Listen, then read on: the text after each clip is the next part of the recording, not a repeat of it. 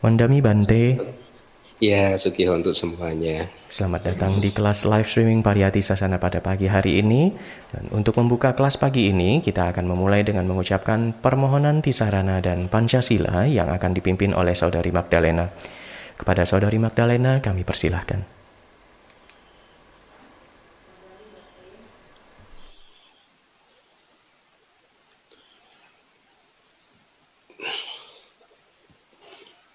Wandami Bante, Hmm. Sukihontu Kalyanamita, mari kita sama-sama membacakan permohonan Tisarana dan Pancasila untuk memohon bimbingan Tisarana dan Pancasila kepada Asin Keminda.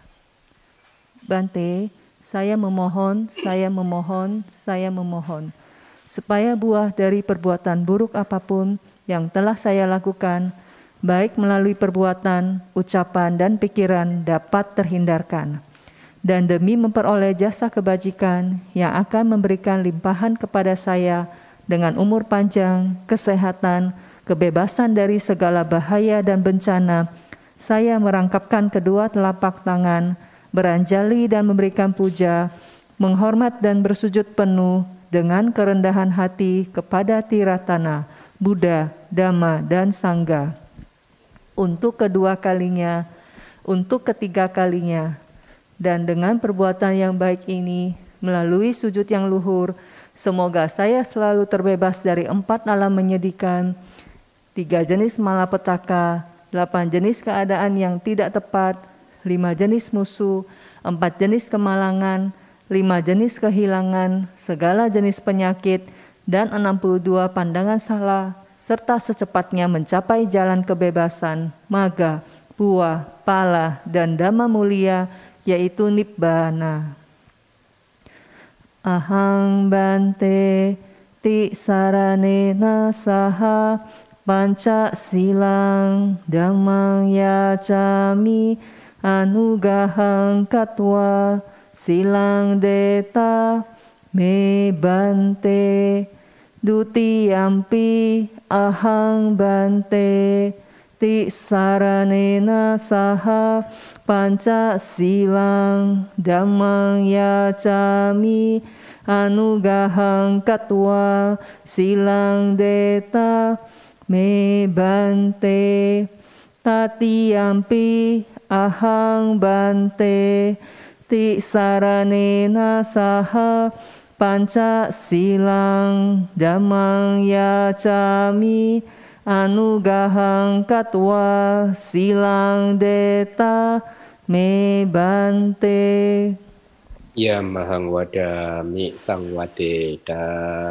ama bante Namo tassa bhagavato arahato sama sambuddhassa. namo tassa bhagavato arahato sama sambuddhassa namo tassa bhagavato arahato sama sambuddhassa namo tassa bhagavato arahato sama sambuddhassa Buddhang saranang gacchami. Dhammang saranang gacchami. Sanghang saranang gacchami. Buddhang saranang gacchami, Dhammang saranang gacchami, Sanggang saranang gacchami. Dutiyampi Buddhang saranang gacchami. Dutiyampi Dhammang saranang gacchami. Dutiyampi Sanghang saranang gacchami. Dutiyampi Buddhang saranang gacchami, Dutiyampi Dhammang saranang gacchami, Dutiyampi Sanggang saranang gacchami. Tatiyampi Buddham Saranang Gacchami Tatiyampi Dhammam Saranang Gacchami Tatiyampi Sangham Saranang Gacchami Tatiyampi Buddhang Saranang Gacchami Tatiyampi Dhammang Saranang Gacchami Tatiyampi sanggang saranang gacami. Ti sarana gahanang paripurnang. Amabante. Anati pata wera manisika padang sama tiami. Panati pata wera manisika padang sama diami. Adina dana wera manisika padang samadhiyami. Adina dana wera manisika padang samadhiyami. Kame sukmica cara wera manisika padang samadhiyami. Kame sumica cara Wera manisika padang sama diami. Muksawada wera manisika padang sama tiami. Muksawada wera manisika padang sama diami. Surame raya majak pamadatana wera manisika padang sama tiami.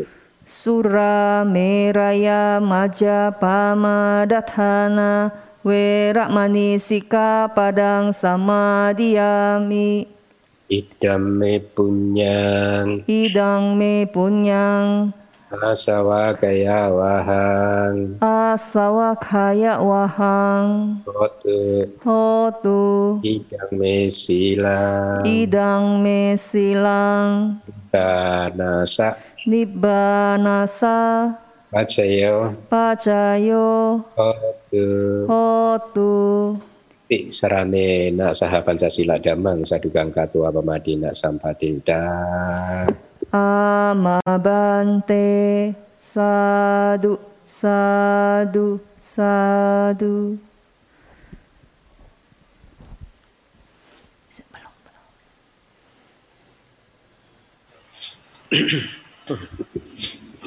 Baik. Mari kita memberikan penghormatan kepada Ti Ratana. Untuk itu ikuti saya. Saya bersujud di telapak kaki Buddha. Saya bersujud di telapak kaki Buddha. Guru Agung yang mulia. Guru Agung yang mulia. Saya memuliakan damanya yang sejati. Saya memuliakan damanya yang sejati. Dan menjura kepada sangga. Dan menjura kepada sangga. Sadu, sadu, sadu. Terima kasih, Bang. Baik, Wandami para bante uh, Biku Sangga, Sugihontu, para samanera, Seyale, Upasaka dan Upasika sekalian. Kita bertemu kembali di kelas Pariyati Sasana, also known as kelas kajian kitab suci. Uh, sering kali saya mengatakan kepada beberapa umat, juga sering kali di dalam perenungan-perenungan saya, dalam keheningan-keheningan saya, saya merasa bersyukur bahwa pada akhirnya di dalam kehidupan saya kali ini sebagai seorang biku, saya mendapat maaf, saya mendapatkan kesempatan untuk mengajarkan ajaran Buddha yang ada di dalam kitab suci yang sesuai dengan kata-katanya. Maaf. Karena tidak mudah. Saya menyadari mendapatkan kesempatan seperti itu adalah tidak mudah. Kenapa tidak mudah? Karena di masa lalu sering kali saya ingin mengajarkan seperti ini, tetapi situasi dan kondisi tidak memungkinkan saya untuk melakukannya. Atau kadang juga saya dihadapkan oleh pendengar-pendengar yang tidak siap untuk mendengarkan ajaran Buddha. Bahkan di masa lalu juga saya sering mendapat pesan oleh penyelenggara Damatok untuk menyampaikan Damatok yang ringan-ringan saja. Dengan kata lain, menghindari pembahasan kitab suci. Itulah mengapa tidak mudah sebenarnya untuk mendapatkan kesempatan seperti hari ini untuk mengajarkan ajaran Buddha sesuai kitab suci. Dan itulah mengapa juga saya selalu berpikir bahwa saya bisa seperti ini karena murid-murid, karena Anda semua. Karena kalau Anda tidak siap, tidak suka, tidak mempunyai rasa hormat terhadap kitab suci dan komentarnya, dan akhirnya saya berceramah tidak ada yang mendengarkan, maka saya juga tidak akan bisa seperti hari ini. Mungkin juga saya tidak akan pernah menulis buku kalau saya tahu bahwa buku ini nanti ketika diterbitkan tidak ada yang membacanya, tidak ada yang menyukainya karena untuk menulis buku itu butuh effort yang yang yang ya usaha keras, komitmennya, waktu, komitmen waktu dan lain sebagainya. Saya sampai harus menolak semua panggilan ceramah di luar, panggilan ceramah besar talkshow ini talkshow itu Ya, saya mohon maaf kepada semua panitia kalau ada yang hadir saat ini. Semuanya saya tolak karena memang saya tidak mempunyai waktu lagi itu yang saya katakan untuk bisa menulis buku itu bisa menghabiskan komitmen uh, membutuhkan komitmen yang tinggi waktunya benar-benar harus fokus ke sana gitu sehingga kegiatan lain harus dikalahkan untuk sementara waktu kalau saya tahu bahwa tidak akan ada yang suka membacanya, maka pasti saya tidak akan melakukannya. Gitu. Ya, saya akan melakukan hal lain yang lebih bermanfaat untuk diri saya sendiri. Tetapi sekarang seolah-olah semuanya itu kondisi-kondisi baik itu berkumpul. Di DBS ini berkumpul orang-orang yang sangat baik. Artinya eh, saya tidak mengatakan di luar DBS tidak ada ya, karena memang kadang uh, kegiatan wihara seperti yang di DBS lakukan ini juga tidak akan jalan kalau tidak ada sponsornya. Tidak ada umat yang bermurah hati untuk menjadi donatur tetap dan lain sebagainya untuk mendukung kegiatan DBS yang yang cukup cukup kegiatan DBS yang cukup apa eh, aktivitasnya cukup tinggi ini gitu. Nah semuanya sudah berkumpul, eh, umat-umat yang murah hati berkumpul, sekaligus juga umat yang murah hati dan juga senang mendengarkan ajaran kitab suci, semuanya berkumpul sehingga akhirnya bisa seperti ini. Dan tentu saja juga umat-umat yang secara rutin eh, meskipun tinggal jauh di luar eh, Jakarta, secara rutin mendengarkan ceramah-ceramah DBS, Anda semua juga berkontribusi untuk membuat saya akhirnya bisa menyampaikan ajaran seperti ini dan menulis buku. nah berkaitan dengan penulisan buku, eh, siang hari nanti jam 1 siang sampai jam 3 akan ada peluncuran buku Majjhima Nikaya khususnya Gehak Patiwaka. buku ini akan menjadi buku yang pertama dalam usaha saya untuk menerjemahkan kitab suci beserta kitab komentarnya. Memang sebelumnya saya sudah menulis 14 buku, baik itu Abhidhamma dan juga penjelasan-penjelasan Sutanta gitu. Uh, yang semuanya juga sebenarnya terjemahan dari kitab suci gitu. Tetapi Gahak Pati Waga yang akan diluncurkan siang nanti itu menjadi sangat spesial karena bagi saya secara pribadi ini adalah usaha langkah awal untuk mempunyai kitab suci Tikpitaka beserta komentarnya yang diterjemahkan langsung dari bahasa Pali ke bahasa Indonesia. Bagi saya, pendapat saya, agama kita di Indonesia, agama yang kita cintai di Indonesia ini, ibaratnya satu gedung, kita ini hanya membangun gedung bagian atasnya tapi lupa membangun fondasinya.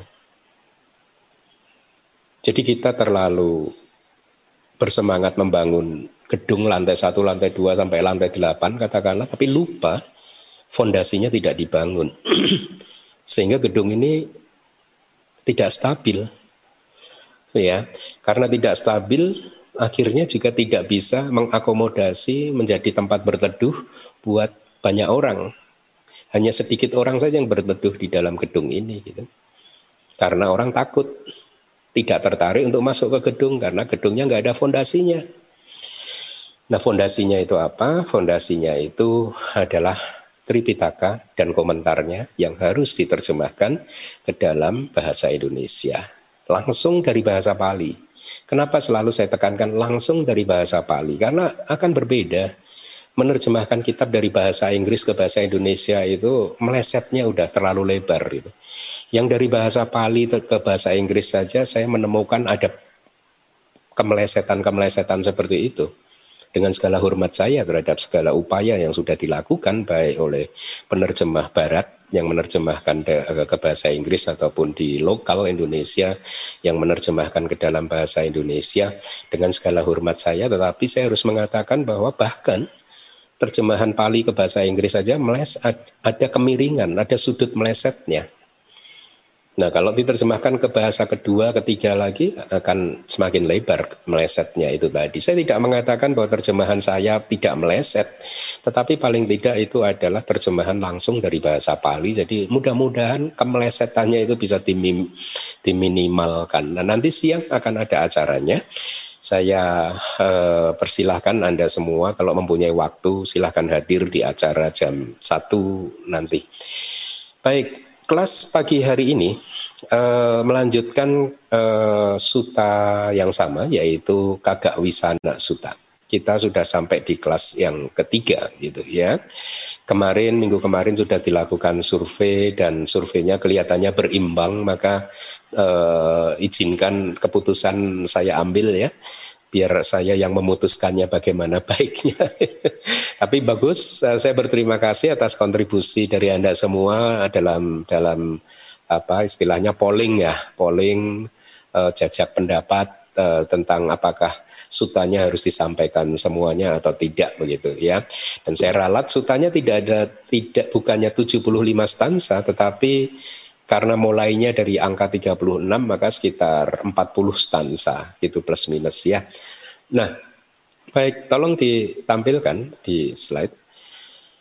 Kita sampai di uh, stansa nomor 38. Siapa pun yang ada kasih sayang terhadap putra-putra, terhadap anak-anak laki-laki ya, harusnya ini juga putra dan putri begitu ya. Kalau Anda membaca kitab suci jangan uh, apa istilahnya jangan uh, bad mood atau apa istilah yang tepat. Kalau kenapa Buddha hanya menyebut putra-putra selalu begitu gitu ya? Terus selalu misalkan seorang laki-laki, kenapa yang wanita tidak disebut? Kitab komentar selalu menjelaskan bahwa tradisi di zaman India dulu itu mempunyai tradisi yang disebut adalah yang dianggap leadernya, pemimpinnya.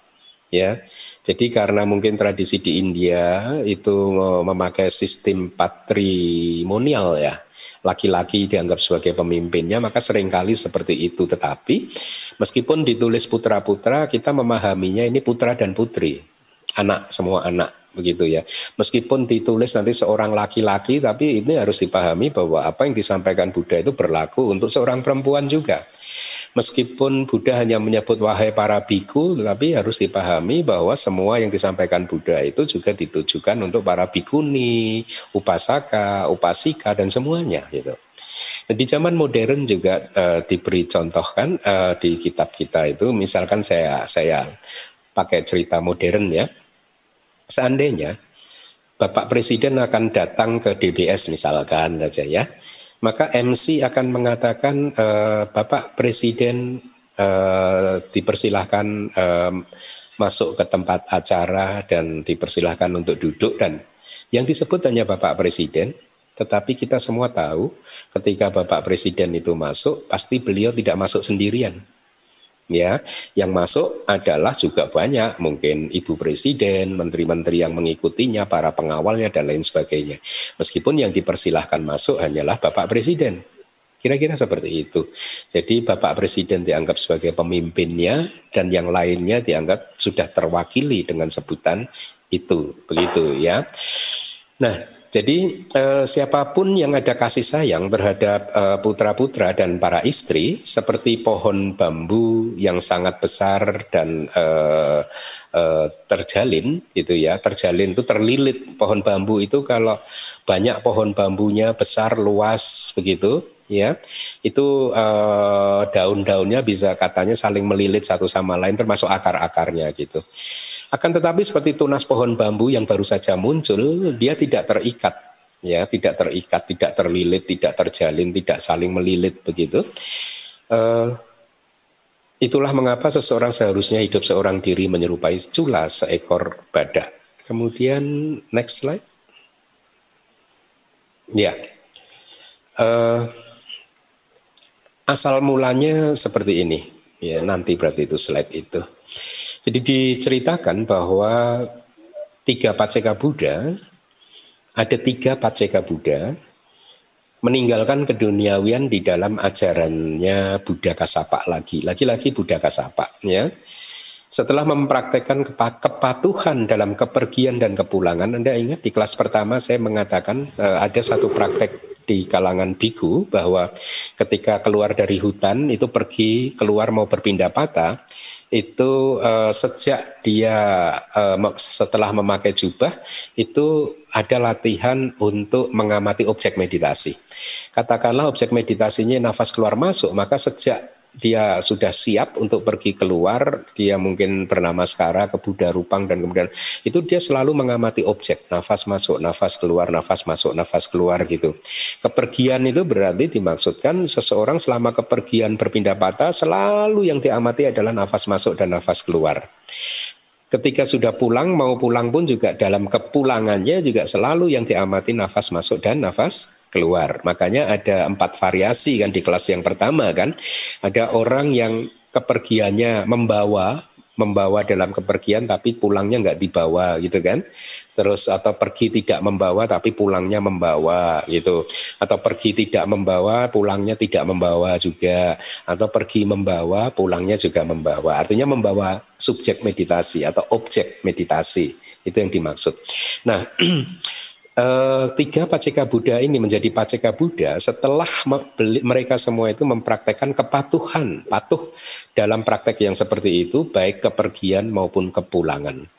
Setelah itu uh, mereka lahir di uh, dewa loka, artinya di dunia para dewa. Ya, setelah meninggal dunia dari sana, yang tertua, jadi tiga orang tadi, yang tertua itu lahir di keluarga Raja Baranasi Dua yang lainnya lahir di keluarga raja-raja kecil yang setingkat uh, raja kecil di tingkat-tingkat provinsi. Jadi ini cerita ini uh, seharusnya sebelum mereka menjadi paceka Buddha ya.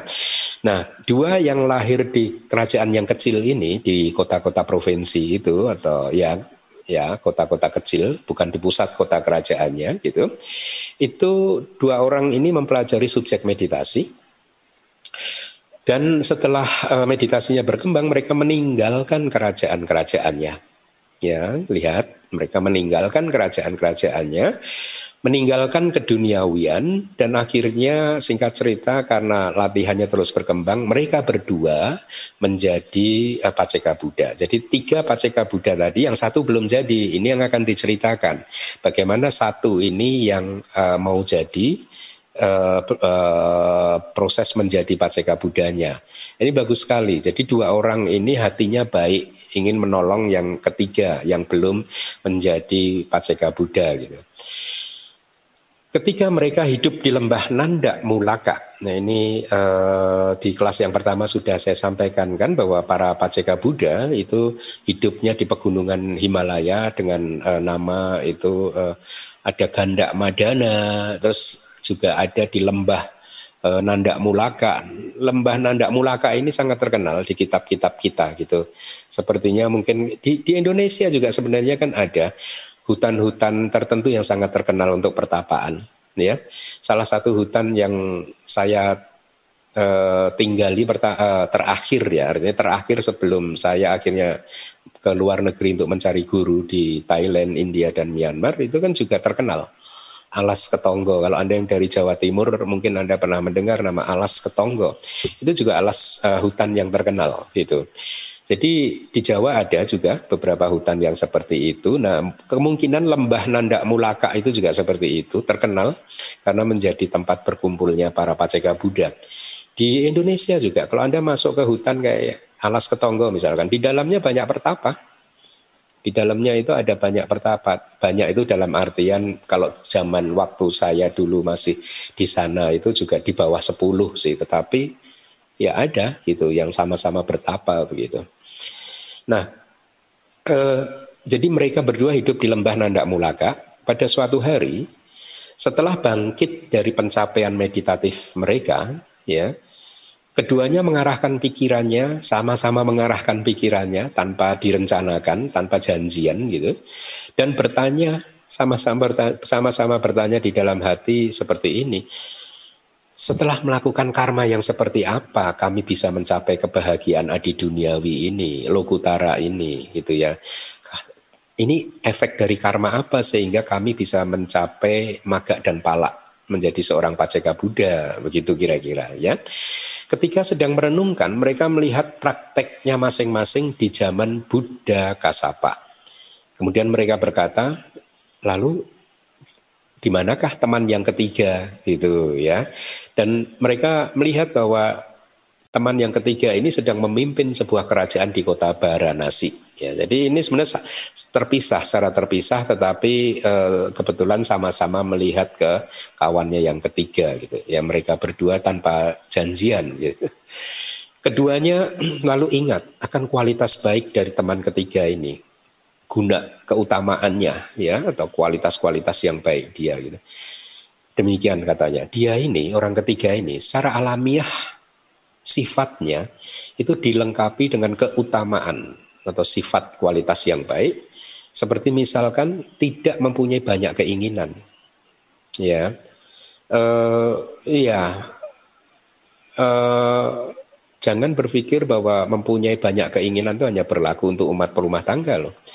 Di kalangan pabajita juga banyak gitu. Um, di masa lalu banyak di masa sekarang pasti juga banyak di masa depan juga banyak. Pabajita yang sudah memakai jubah tapi keinginannya banyak banyak keinginannya gitu ya. Eh, empat satu pacaya masih tidak cukup masih ada lagi ada lagi ingin ini ingin itu begitu dan lain sebagainya gitu. Tapi juga ada yang mempunyai sedikit keinginan. Bagi dia empat satu pacaya udah cukup ya eh, dan tidak menginginkan hal yang di luar itu lagi begitu ya. Nah teman yang ketiga ini memiliki sedikit keinginan ya. Tidak banyak keinginan dan lain-lain. Itu sifat baik dia atau keutamaan dia ya. Guna bahasa palinya. G U N ada titik di bawahnya plus uh, dan A. Guna itu. N-nya ada titik di bawahnya. Itu uh, ya saya terjemahkan jadi keutamaan dia dulu biasa menasehati kami. Jadi orang ketiga ini sangat bijaksana, biasa menasehati kami, biasa berbicara dengan uh, apa tujuan yang baik kepada kami, bersabar dengan kata-kata kami gitu. Dan dia adalah orang yang selalu mencela kejahatan, artinya tidak setuju dengan perbuatan jahat gitu. Jadi akhirnya mereka berdua memutuskan, mari kita sekarang perlihatkan ke dia sebuah objek dan membebaskan dia. Nah ini harus saya garis bawahi. Kalau Anda perhatikan, Paceka Buddha yang ingin menolong orang lain, dia menolong orang lain hanya dalam bentuk begitu tadi, memperlihatkan sebuah objek. Ya, dia tidak mengajar seperti Buddha. Kalau Buddha itu kan mengajar, ya, menuntun para muridnya untuk memahami proses nama dan rupa dan kemudian bisa menembus maga dan pala. Itu dituntun oleh Buddha. Kalau Paceka Buddha, kalau Anda perhatikan, dia selalu hanya memperlihatkan diri, misalkan di satu tempat dengan mengandung pesan tertentu, hanya begitu-begitu saja. Cara mengajarnya itu seperti itu. Jadi kalau ada yang mengatakan Paceka Buddha juga mengajar, sesungguhnya tidak benar juga. Paceka Buddha tidak mengajar empat kebenaran mulia, ya. Tetapi memang cara dia untuk membantu orang lain seperti itu tadi. Mari kita perlihatkan kepada dia sebuah objek dan akhirnya membebaskan dia. Artinya dia akan memposisikan dirinya sedemikian rupa supaya dia bisa menjadi objek buat temannya yang ketiga. Tapi temannya yang ketiga ketika melihat dia sebagai objeknya nanti akan berjuang sendiri. Ya, dia berjuang sendiri mencapai tingkat kesucian Paceka Buddha sendiri, tidak dibimbing oleh Paceka Buddha yang lain. Jadi sekali lagi Paceka Buddha tidak mengajar. Ya, Uh, saya kemarin membaca buku Barat dan dikatakan bahwa Paceka Buddha mengajar. Gitu. Ya dia tunjukkan dengan cara seperti itu. Ya Paceka Buddha A mengajar dengan cara dia memperlihatkan diri kayak kayak di Suta ini nanti dia menyapu halamannya itu cara dia mengajar.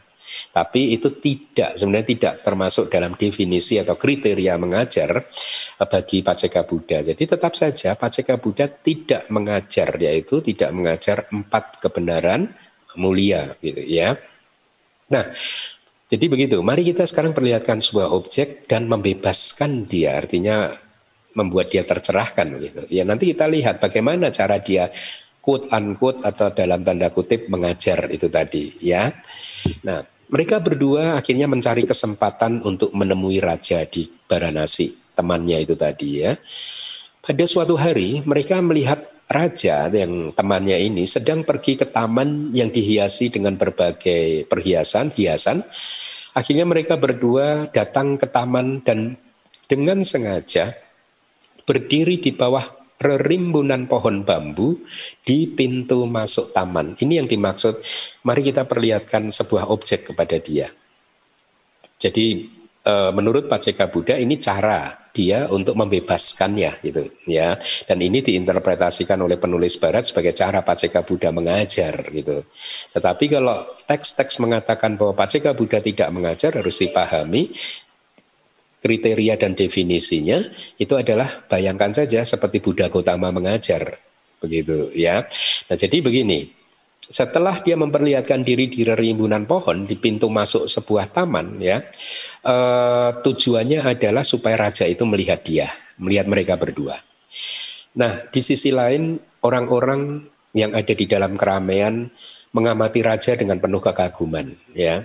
Pada saat itu raja berpikir ya apakah ada orang-orang yang tidak tertarik untuk melihat saya Ya, dia berpikir semua orang sedang memperhatikan saya. Apakah ada orang yang nggak tertarik untuk melihat saya gitu. Akhirnya raja melihat ke sekeliling dan akhirnya dia berhenti di dua paceka Buddha yang berdiri di rimbunan pohon bambu tadi gitu.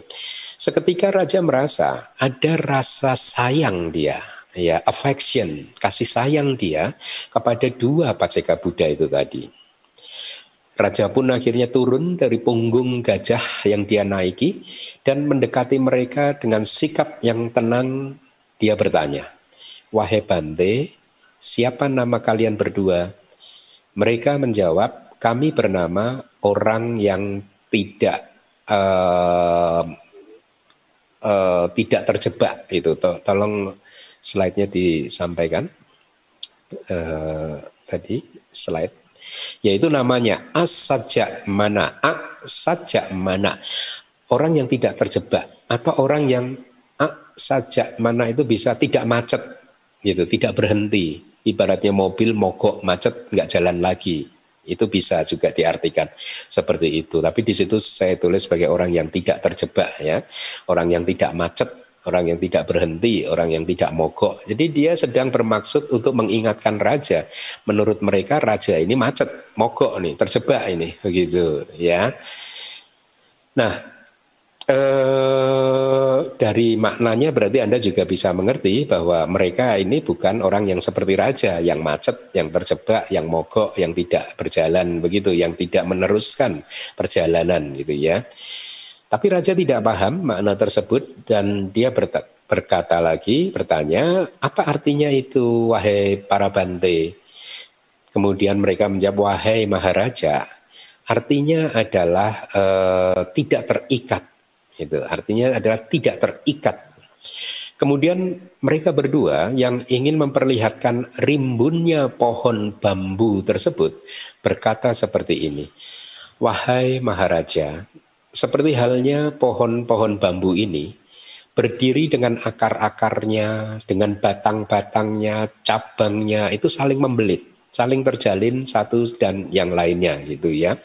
Sedemikian rupa sehingga apabila ada seorang laki-laki yang mau memotongnya, dengan pisau, tetap saja dia tidak akan bisa memotong akar-akarnya.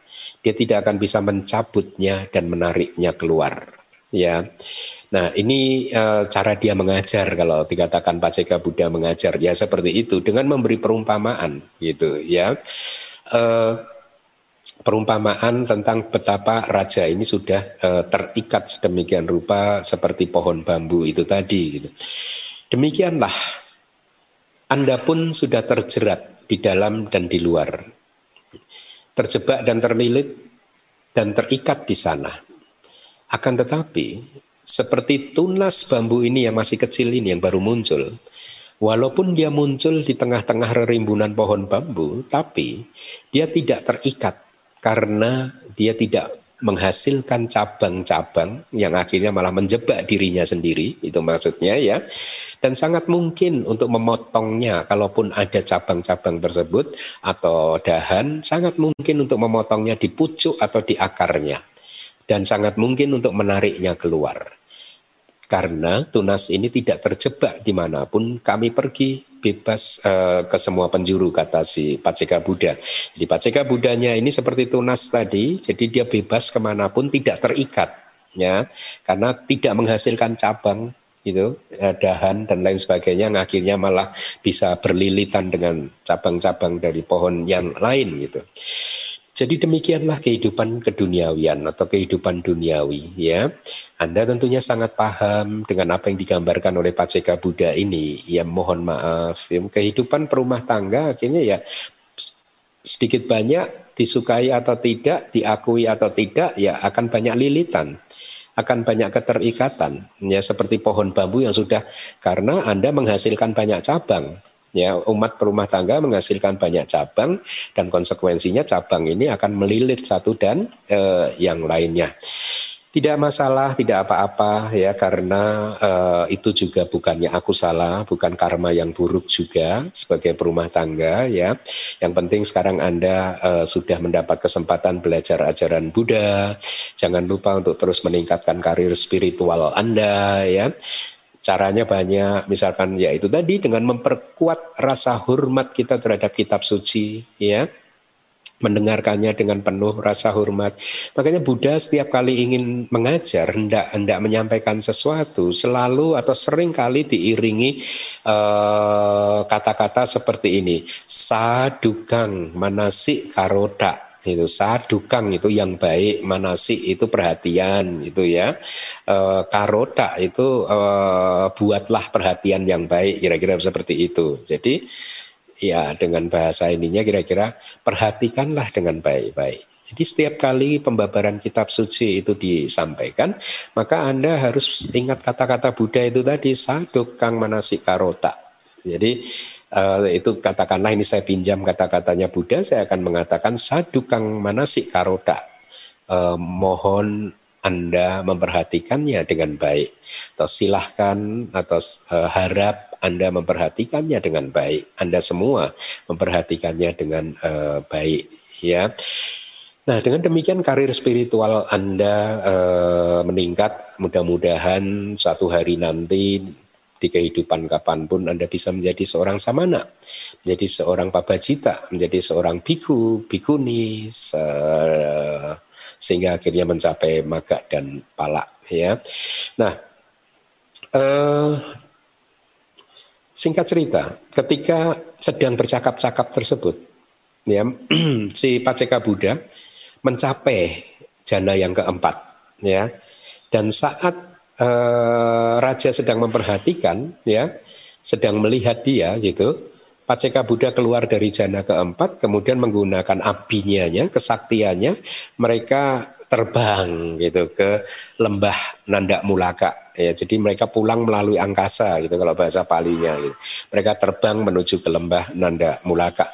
Raja pun kemudian merenung ya kapankah saya menjadi orang yang tidak terjebak juga? Gitu setelah duduk bermeditasi di taman itu juga, dia mencapai pencerahan seorang Paceka Buddha. Ya, jadi dia tidak diajarkan oleh Paceka Buddha tadi loh untuk menjadi Paceka Buddha dia berjuang sendiri gitu. Nah, jadi ketika ditanya oleh para Paceka Buddha seperti di kelas yang pertama ya tentang subjek meditasinya, dia menjelaskan seperti kalimat yang ada di dalam stansa 38 Ya, yang Anda ingat nggak di kelas yang pertama?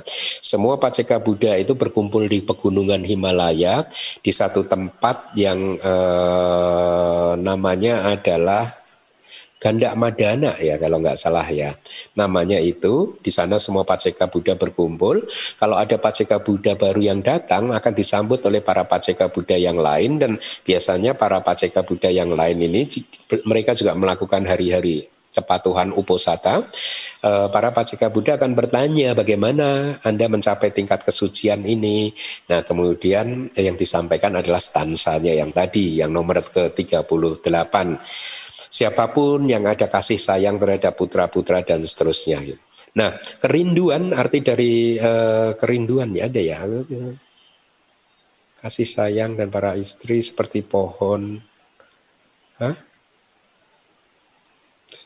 Siapa pun yang ada kasih sayang, oh ya, kasih sayang ya, kasih sayang bukan kerinduan. Itu adalah di sini eh, tanha dan cinta yang melekat.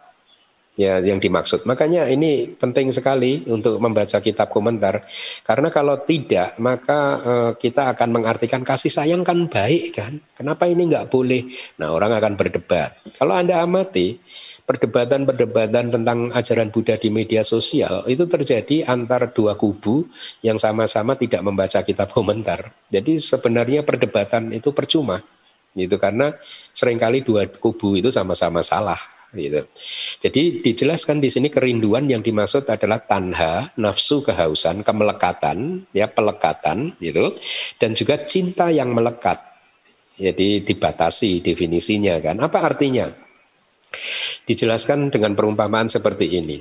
Seperti halnya bambu, pohon bambu yang rimbun, itu menjadi saling terjalin, terlilit satu sama lain. Maka demikianlah kasih sayang atau kerinduan atau cinta yang melekat dari orang tua terhadap anak dan istri, suami terhadap istri, istri terhadap suami gitu, menjalin, mengikat, melilit seseorang dengan objek-objek tersebut dan akhirnya menjadi terikat pada mereka. Anda bayangkan ya suami istri ya Anda bagaimana Anda terikat terlilit satu sama lain ya terhadap objek-objek ini tadi kalau suami terikat, terlilit, terbelit, terjalin terhadap istri dan anak-anaknya, istri juga terlilit, terikat, terbelit terhadap suami dan anak-anaknya, itu mungkin sama juga anak terhadap orang tuanya. Anda semua terikat seperti itu, gitu ya. Jangan bersedih karena Buddha juga memberikan jalan keluarnya. Ya oleh karena itu uh, ikutilah petunjuk-petunjuk Buddha begitu ya.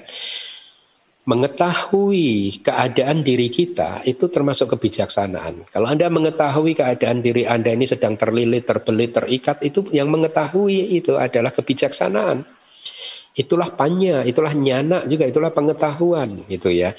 Itulah uh, tahapan pertama di dalam realisasi kebenaran mulia yang pertama itu mengetahui bahwa ada penderitaan di sini, mengetahui bahwa Anda terlilit, terikat, terjalin seperti pohon bambu yang saling terikat itu seperti tadi, ya. Jadi, raja terjalin persis seperti pohon bambu itu. Nah, raja melihat bahayanya. Akhirnya dia memotong kasih sayang tersebut dengan cara apa memotongnya? Memotongnya dengan cara mencapai maga nyana Ya maga nyana itu pengetahuan jalan. Ini pengetahuan yang muncul di kesadaran maga atau kesadaran e, jalan. Nah kalau Anda ingin memotong maka Anda juga kalau ada retret manfaatkanlah. ya karena retret itu kesempatan berharga Anda, kesempatan emas Anda. Sulit kan bagi Anda untuk retret uh, dalam waktu yang sering panjang seperti kami para biku. Biku ini bisa sewaktu-waktu kalau dia pengen retret dia bisa retret. Kalau Anda kan tidak seperti itu, Anda terikat pada peraturan kantor, ya cutinya itu terbatas dan lain sebagainya, ya. Nah, akhirnya dia seperti tunas bambu yang tidak terjebak.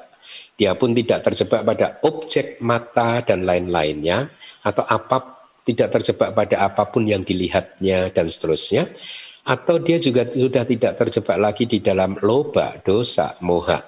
Dia juga tidak terjebak lagi di dalam kehidupan lingkup indriawi, ya. Dia tidak terjebak juga di dalam kehidupan lingkup materi halus, ya dalam kehidupan atau kelahiran di alam Brahma atau kelahiran di alam dewa atau kelahiran di alam Brahma non materi sudah tidak terjebak lagi karena dia sudah menjadi Paceka Buddha. Setelah ini beliau akan keluar dari samsara, tidak akan terlahir lagi ya. Atau bisa diinterpretasikan terjebak itu adalah terjebak karena tanha. Jadi Meskipun Anda adalah umat eh, penghuni rumah, perumah tangga, kalau Anda tidak memunculkan tanha, nafsu kehausan, maka Anda juga tidak akan terjebak oleh objek-objek yang tadi di awal sudah saya sampaikan. Anda juga tidak terjebak pada mana kesombongan dan juga didik. Jadi tanha, mana, didik, nafsu kehausan, kesombongan dan pandangan salah. Ketiganya ini disebut sebagai papanca papanca itu adalah pengembang perkembang biakan atau pengembang biak yang membuat jumlah kelahiran kembali dan kematian menjadi panjang, menjadi tambah banyak ya. Jadi tanha, mana, didik, nafsu kehausan, kesombongan dan pandangan salah itu adalah kilesa-kilesa yang membuat rangkaian agregat kita ini makin panjang. Artinya dengan kata lain akan membuat jumlah kelahiran dan kematian kita ini bertambah banyak gitu. Kalau kita tidak ingin bertambah banyak jumlah kelahirannya, maka itu harus dipotong. Tanha, mana, dan didik. Demikianlah saya, kata si Raja, mencapai pencerahan dengan Paceka Buddha. Jadi beliau menjelaskan syairnya tadi kepada para Paceka Buddha yang lain gitu. Nah sisanya harus dipahami seperti yang sudah dijelaskan di stansa-stansa sebelumnya gitu. Next slide. Tolong ditampilkan. Seperti seekor rusa yang tidak terikat di hutan, pergi untuk merumput ke mana pun yang dia inginkan. Seorang manusia yang bijaksana yang mencari kebebasan, dia seharusnya hidup seorang diri menyerupai cula seekor badak. Bagaimana asal mulanya? Diceritakan bahwa di zaman lagi, di zaman Buddha Kasapa, Seorang biku yang bermeditasi yoga wacara, bahasa palinya yoga wacara, seorang yogi yang sedang berlatih meditasi itu meninggal dunia. Jadi beliau seorang biku meninggal dunia dan lahir di keluarga yang kaya raya kembali di kota Baranasi. Mungkin ada yang bertanya kenapa selalu di kota Baranasi dan juga uh, di zaman Buddha Kasapa mungkin pada saat itu ya uh, uh, ketika Buddha melihat kehidupan-kehidupan lampaunya waktu itu uh, berhenti di kota Baranasi dan di zaman Buddha Kasapa tersebut bisa jadi. Jadi ternyata di sana banyak uh, uh, banyak banyak kejadian seperti yang ada di dalam suta ini gitu ya. Uh, lahir di keluarga yang kaya raya di Baranasi ya. Dia sangat beruntung. Kemudian tapi meskipun dia sangat beruntung seperti itu, dia melakukan persinahan. Ya, persinahan yaitu kamesu micacara itu saya sampaikan eh, bahwa sila yang ketiga itu persinahan. Karena ada yang mengatakan bahwa melihat drama Korea itu termasuk sila yang ketiga, pelanggaran sila yang ketiga juga melihat objek-objek panca indera dan melekatinya secara berlebihan itu juga termasuk pelanggaran sila yang ketiga ya itu tidak benar. Sila yang ketiga Anda dari Pancasila itu itu persinahan. Ya, kalau Anda ingin tahu tentang persinahan itu seperti apa, silahkan membaca buku karma yang di, uh, yang saya tulis atau di dalam buku manual abidama yang bab kelima. Di sana juga saya sudah menulis panjang lebar. Gitu. Jadi ketika dia lahir dengan kelahiran yang beruntung itu tadi, ya, dia melakukan persinahan Dan ketika meninggal akhirnya gara-gara karma persinahan ini tadi berbuah, dia lahir di neraka. Setelah dipanggang di neraka di sana, karena sisa resultan persinahannya, dia lahir sebagai seorang perempuan uh, uh, di rahim seorang istri uh, miliuner. Ya nanti sisa jadi karma persinahannya itu masih ada sisa kekuatannya ya. Nah, sisa kekuatannya ini berbuah di kejadian sehari-hari. Nanti akan kita lihat keterangannya. Jadi karma yang kita lakukan itu e, mempunyai potensi untuk berbuah di dua titik. Memunculkan agregat atau kelahiran kembali atau berbuah di kejadian sehari-hari. Ya bisa dua-duanya seperti ini. Memunculkan agregat di uh, bumi neraka dan setelah itu masih ada sisanya yang akan berbuah di kejadian sehari-hari seperti yang sebentar lagi akan Anda dengarkan gitu ya. Jadi akhirnya keluar dari, dari neraka dia lahir sebagai seorang perempuan di rahim seorang istri miliuner ya. Uh, next slide tolong kita tampilkan. Tubuh-tubuh mereka yang datang dari neraka adalah masih panas ya nirayato agatananggatani unhani honti. Ya jadi dikatakan orang yang baru saja keluar dari neraka kalau masuk ke kandungan ibunya maka ibunya pun akan terasa kepanasan katanya begitu. Jadi dengan demikian istri miliuner itu mengandung dia dengan penuh kesulitan dan penderitaan ya karena itu tadi masih panas tadi tubuhnya gitu. Jadi seolah-olah bahkan dikatakan rahim dia itu seperti terbakar Akhirnya dia melahirkan seorang bayi perempuan yang itu tadi, yang tadinya laki-laki terus melakukan persinahan kemudian lahir di neraka dan setelah keluar dari neraka dia lahir sebagai perempuan gitu. Sejak dari kelahiran anak perempuan ini, dia ini dianggap oleh siapa pun sebagai orang yang menjijikkan. Bahkan kedua orang tuanya juga menganggap dia menjijikkan. Sanak familinya juga demikian. Anggota keluarga sisanya yang lain juga menganggap dia ini anak yang menjijikkan. Bahkan ketika dia menikah pun suaminya juga menganggap dia ini benar-benar orang yang menjijikkan gitu ya. Ibu mertua dan ayah mertua juga merasa jijik dan menganggapnya sebagai orang yang tidak menyenangkan dan juga tidak menawan hati. Singkat cerita ada satu festival ya, festival rasi bintang namanya diumumkan ya. Suaminya berpikir bahwa dia tidak ingin merayakan bersama dengan istrinya. Sebagai gantinya, dia merayakannya bersama dengan seorang pelacur. Ini karmanya mulai mau berbuah ini. Tadi sudah berbuah, dia tidak dihormati, dianggap menjijikkan. Itulah buah dari karma persinahan yang muncul di kehidupan sehari-hari gitu, ya. Nah, sebagai gantinya dia merayakannya bersama seorang pelacur. Ini juga karma buruk dia juga berbuah lagi gitu. Mendengar hal ini dia mendatangi suaminya. Setelah merayunya dan dengan sedih dia berkata, Duhai suamiku, walaupun seorang perempuan ini adalah anak bungsu dari sepuluh uh, raja atau putri dari Cakakwati Raja. Cakakwati Raja itu raja adidaya, itu raja universal, raja Cakakwati atau Cakrawati itu.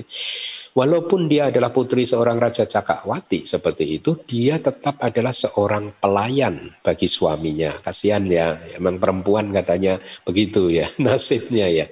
Walaupun dia ini di zaman dulu tetap aja dia berada melayani suaminya di bawah statusnya di bawah suaminya gitu.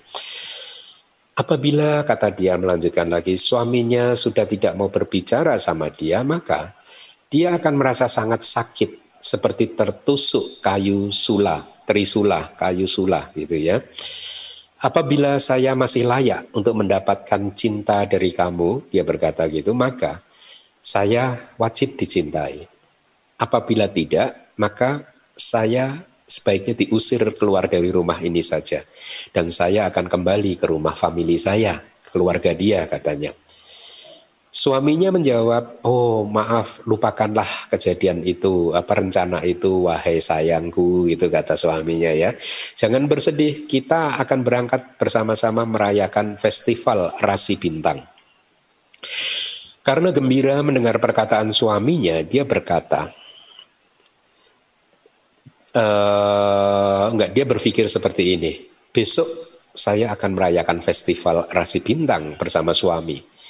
Lalu dia memutuskan untuk mempersiapkan banyak makanan dan juga snack makanan kecil ya uh, untuk uh, bekal di perjalanan. Dia sudah bahagia sekali ini, mau pergi sama suaminya ke satu festival. Jadi kalau di, di kitab komentar di tradisi India zaman dulu itu ada semacam banyak model festival.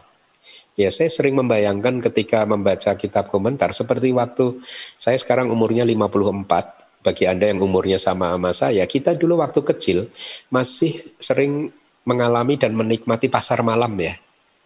Pasar malam gitu di lapangan sepak bola atau apa. Dan kita seneng kan waktu kecil melihat itu.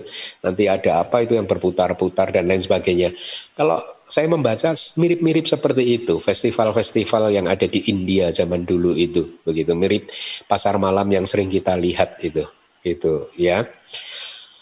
Uh, kembali lagi dia akhirnya mempersiapkan makanan dan snack tapi keesokan harinya Suaminya tadi ternyata pergi sendirian tanpa memberitahu dia. Si istri menunggu sampai siang hari karena suaminya tidak kunjung datang, akhirnya dia mengirimkan para pesuruh untuk mencari suaminya. Mereka kembali dan menginformasikan seperti ini, e, suami kamu telah pergi. Si istri pun kemudian mengambil semua makanan dan menaikkannya di kereta, lalu pergi menuju ke taman. Pada waktu itu seorang paceka Buddha yang tinggal di lembah Nanda Mulaka setelah bangkit dari pencapaian niroda, niroda itu keberhentian gitu, berhenti untuk sementara waktu, proses batinnya itu berhenti, tidak muncul dan lenyap lagi, juga proses tubuh jasmaninya yang muncul dari kesadaran, yang bersumber dari kesadaran juga berhenti, tidak berproses. Jadi setelah bangkit dari pencapaian niroda sama pati atau keberhentian, pencapaian keberhentian di hari yang ketujuh. Jadi selama tujuh hari dan di hari yang ketujuh beliau keluar setelah membasuh wajahnya di Danau Anotata. Danau Anotata ini adalah danau yang sama pada saat Buddha turun dari surga Tawatingsa setiap harinya eh, selama satu wasa beliau mengajar Abhidhamma di Tawatingsa. Setiap hari turun untuk berpindah patah dan setelah berpindah patah beliau e, menuju ke Danau Anotata dan makan pindah patahnya di sana di pinggir Danau Anotata di pegunungan Himalaya. Dan setelah membasuh wajah di Danau Anotata, mengunyah kayu pembersih gigi, eh, Paceka Buddha ini berkata di dalam hati, hari ini saya harus pergi ke mana dan harus mengumpulkan makanan derma ke, uh, ke mana gitu. Setelah melihat putri miliuner yang tadi, yang uh, ditinggal suaminya tadi, dia mengetahui seperti ini. Setelah melakukan penghormatan terhadap saya, kama dia akan hancur. Jadi dia tahu kalau si perempuan ini nanti melihat dia dan menghormat kepada dia, maka karma dia akan hancur. Artinya karma persinahan dia akan hancur sehingga efeknya habis. Ya tidak berbuah lagi, tidak ada buahnya lagi gitu. Jadi ingat itu, ini satu contoh bahwa satu karma, satu benih karma itu bisa menghasilkan banyak sekali akibat. Itu mirip persis, persis seperti kalau Anda menanam satu biji mangga, kalau mangga ini subur dan berbuah, Anda akan mendapatkan berkeranjang-keranjang buah mangga. Efek dari satu tanaman biji mangga sama satu bu, satu e, benih karma persinahan itu menghasilkan buahnya banyak sekali. Sebenarnya kalau yang paham abidama tidak akan kesulitan memahami ini karena dia tahu bahwa dalam satu jentikan jari itu ada banyak karma yang uh, tercipta gitu satu jentikan. Makanya kalau persinahannya dilakukan selama berapa waktu itu ya tinggal dikalikan saja berapa benih karmanya juga yang uh, apa uh, yang tercipta gitu ya. Nah singkat cerita akhirnya Paceka Buddha ini uh, pergi ke taman dan Eh, putri miliuner tadi turun dari keretanya, memberi hormat kepadanya, mengambil pataknya, mangkuk, mangkok bikunya, dan mengisinya dengan berbagai jenis makanan yang lezat. Dia menutupnya dengan bunga teratai dan menempatkan bunga teratai di bawah patak serta mengambil satu apa buket deh satu satu ikat bunga di tangannya dan kembali ke Paceka Buddha.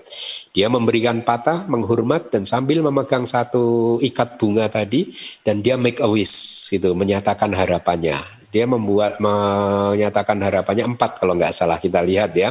Jadi wahai Bante, dia berkata sambil membawa bunganya, sambil bersujud membawa bunga, dia berkata, wahai Bante, seperti halnya bunga-bunga yang saya bawa ini, semoga saya bisa menjadi orang yang disayangi dan menyenangkan bagi banyak orang di mana pun saya berada. Kemudian dia menyatakan, oh ya, itu tadi harapannya yang pertama. Ya, harapan yang kedua, ya, adalah wahai Bante, lahir di dalam kandungan itu sangat sakit sekali Semoga saya bisa menghindari nasib seperti itu lagi dan lahir bisa lahir di sebuah bunga terate. Itu wish dia yang kedua ya. Lalu dia menyatakan harapannya yang ketiga, wahai Bante, menjadi seorang perempuan adalah sangat menjijikkan. Maaf ya bagi para perempuan ya. Bahkan putri seorang Cakawati raja atau raja Cakawati pun harus tetap di bawah kendali suaminya oleh karena itu, setelah meninggalkan status sebagai perempuan, semoga saya bisa menjadi laki-laki. Yang keempat, harapannya adalah setelah mengatasi penderitaan di dalam samsara ini, semoga pada akhirnya saya bisa mencapai keabadian itu adalah nama lain untuk Nibana yang Anda juga telah mencapainya. Jadi ada empat harapan dia, ada empat aspirasi dia. Itulah mengapa saya sering mengatakan kepada Anda semua bahwa setiap kali Anda selesai melakukan kebajikan, jangan lupa mengucapkan aspirasi-aspirasi Anda. Ya, nah beliau ini tadi begitu. Eh, dia bahkan sebelum memberikan bunganya gitu, tapi dia sudah memberikan makanan dan lain sebagainya. Setelah mengungkapkan harapannya atau aspirasinya, dia mempersembahkan satu ikat bunga itu kepada Paceka Buddha, bersujud dengan penuh bakti dan mengungkapkan oh ada kelimanya, harapan kelimanya. Semoga bau tubuhku dan warna kulitku mirip dengan bunga-bunga ini itu ya. Lalu Paceka Buddha berkata, apa pun yang kamu inginkan dan aspirasikan, semoga secepatnya terpenuhi seperti bulan purnama tanggal 15. Jadi ini perumpamaan. Bulan purnama di tanggal 15 itu bulatnya penuh, tidak ada cacatnya, semuanya terpenuhi, semuanya penuh. Jadi artinya semoga semua aspirasi kamu, semua harapan kamu terpenuhi seperti bulan purnama di hari yang ke-15 atau tanggal 15 bahasa palinya sering diucapkan oleh para bante icitang batitang tuihang kipamewa sami jantuk. Sabe purintuk sangkapa cando panarasi panarasi yatha manijo tiras uh, cando panaraso yatha gitu. Cando panaraso yata gitu. Ya. Uh, itu sering. Anda pasti sudah sering mendengar kata-kata itu diucapkan oleh uh, para bante. Nah, kita lanjutkan. Putri miliuner memandang Paceka Buddha ketika pulang menuju lembah Nanda Mulaka. Pada saat memandang Paceka Buddha, piti atau kegembiraan yang kuat muncul di batin dia. Sehingga dengan piti yang kuat ini, ini mampu dikatakan uh, sing, uh, aku salah kama persinahan yang dilakukannya di kehidupan sebelumnya karena tidak mendapat kesempatan untuk berbuah lagi akhirnya punah. Ini mirip sih sebenarnya dengan kalau Anda melakukan pelimpahan jasa kepada peta, peta yang mendapatkan manfaat ini, dia menghancurkan buah karmanya ketika memunculkan piti atau kegembiraan. Ya, kegembiraan spiritual yang bersifat spiritual. Nah, ketika setelah itu siapa pun tiba-tiba berbalik menjadi sayang kepada dia dan mereka juga merasa malu atas perilaku buruk di masa lalu ya. Suaminya pun juga menjadi sayang kepada dia dan dia meminta orang-orangnya untuk membawanya kembali ke rumah ya si istri pun akhirnya hidup dihormati dan dihargai. Dia menikmati kesenangan melalui otoritasnya sebagai seorang istri dan kekayaan yang dia punya di sisa hidupnya. Gitu. Setelah meninggal dari uh, dunia manusia, dia lahir sebagai dewa laki-laki di interior bunga terate. Ini agak sulit saya menerjemahkannya. Ya, uh, next slide tolong ditampilkan. Maha Paduma Gabaseaka. Jadi Gabaseaka itu kayak di dalam kandungan sebenarnya. Di dalam kandungan bunga teratai. Tetapi tentu saja kan cerita ini agak tidak masuk akal kan ya. Makanya ini kayak di interior. Jadi saya membayangkan dia mungkin sebagai dewa lahir secara spontan di tengah-tengah bunga teratai begitu ya.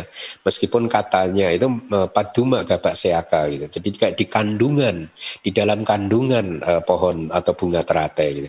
Nah singkat cerat, uh, cerita dia diberi nama seperti yang ada di layar. Maha Paduma Dewa Puta atau Dewa Teratai yang besar gitu ya. Itulah namanya dia dengan menggunakan kesaktiannya dia mampu berjalan jalan di enam dewa loka, enam dunia para dewa, naik dan turun ya. E, pada waktu itu Raja Baranasi memiliki 20 ribu penari perempuan ya uh, juga dengan juga termasuk selir-selirnya. Akan tetapi raja ini tidak mendapatkan satu anak laki-laki pun gitu ya. Para menteri memberitahu bahwa seorang putra sangat diperlukan untuk kelangsungan garis silsilah Apabila Anda tidak punya putra kandung, maka raja kecil penguasa teritori di pinggiran akan melanjutkan kepemimpinan Anda. Jadi zaman dulu begitu, karena nggak, punya anak laki-laki, maka kepemimpinan, terah kepemimpinan, silsilah garis kepemimpinannya akan bergeser gitu. Ya, lalu karena ada masalah seperti ini, raja berkata, e, silahkan gadis-gadis penari sisanya itu melakukan maaf ya, melakukan prostitusi legal. Jadi diizinkan secara uh, hukum di hukum kerajaan itu selama tujuh hari, kecuali permaisuri. Permaisurinya nggak boleh, tetapi selir-selirnya dipersilahkan untuk melakukan uh, maaf prostitusi legal selama tujuh hari. Selama tujuh hari itu mereka melakukannya, tapi tetap saja tidak ada yang hamil. Para menteri memberitahu lagi permaisuri Anda yang tadi tidak diperbolehkan untuk ikut melakukan hal itu adalah orang yang paling bijaksana dan memiliki kebajikan di antara semua perempuan itu. Mungkin Tuhan bisa mendapatkan anak laki-laki dari dia. Raja pun akhirnya menceritakan hal tersebut ke permaisurinya.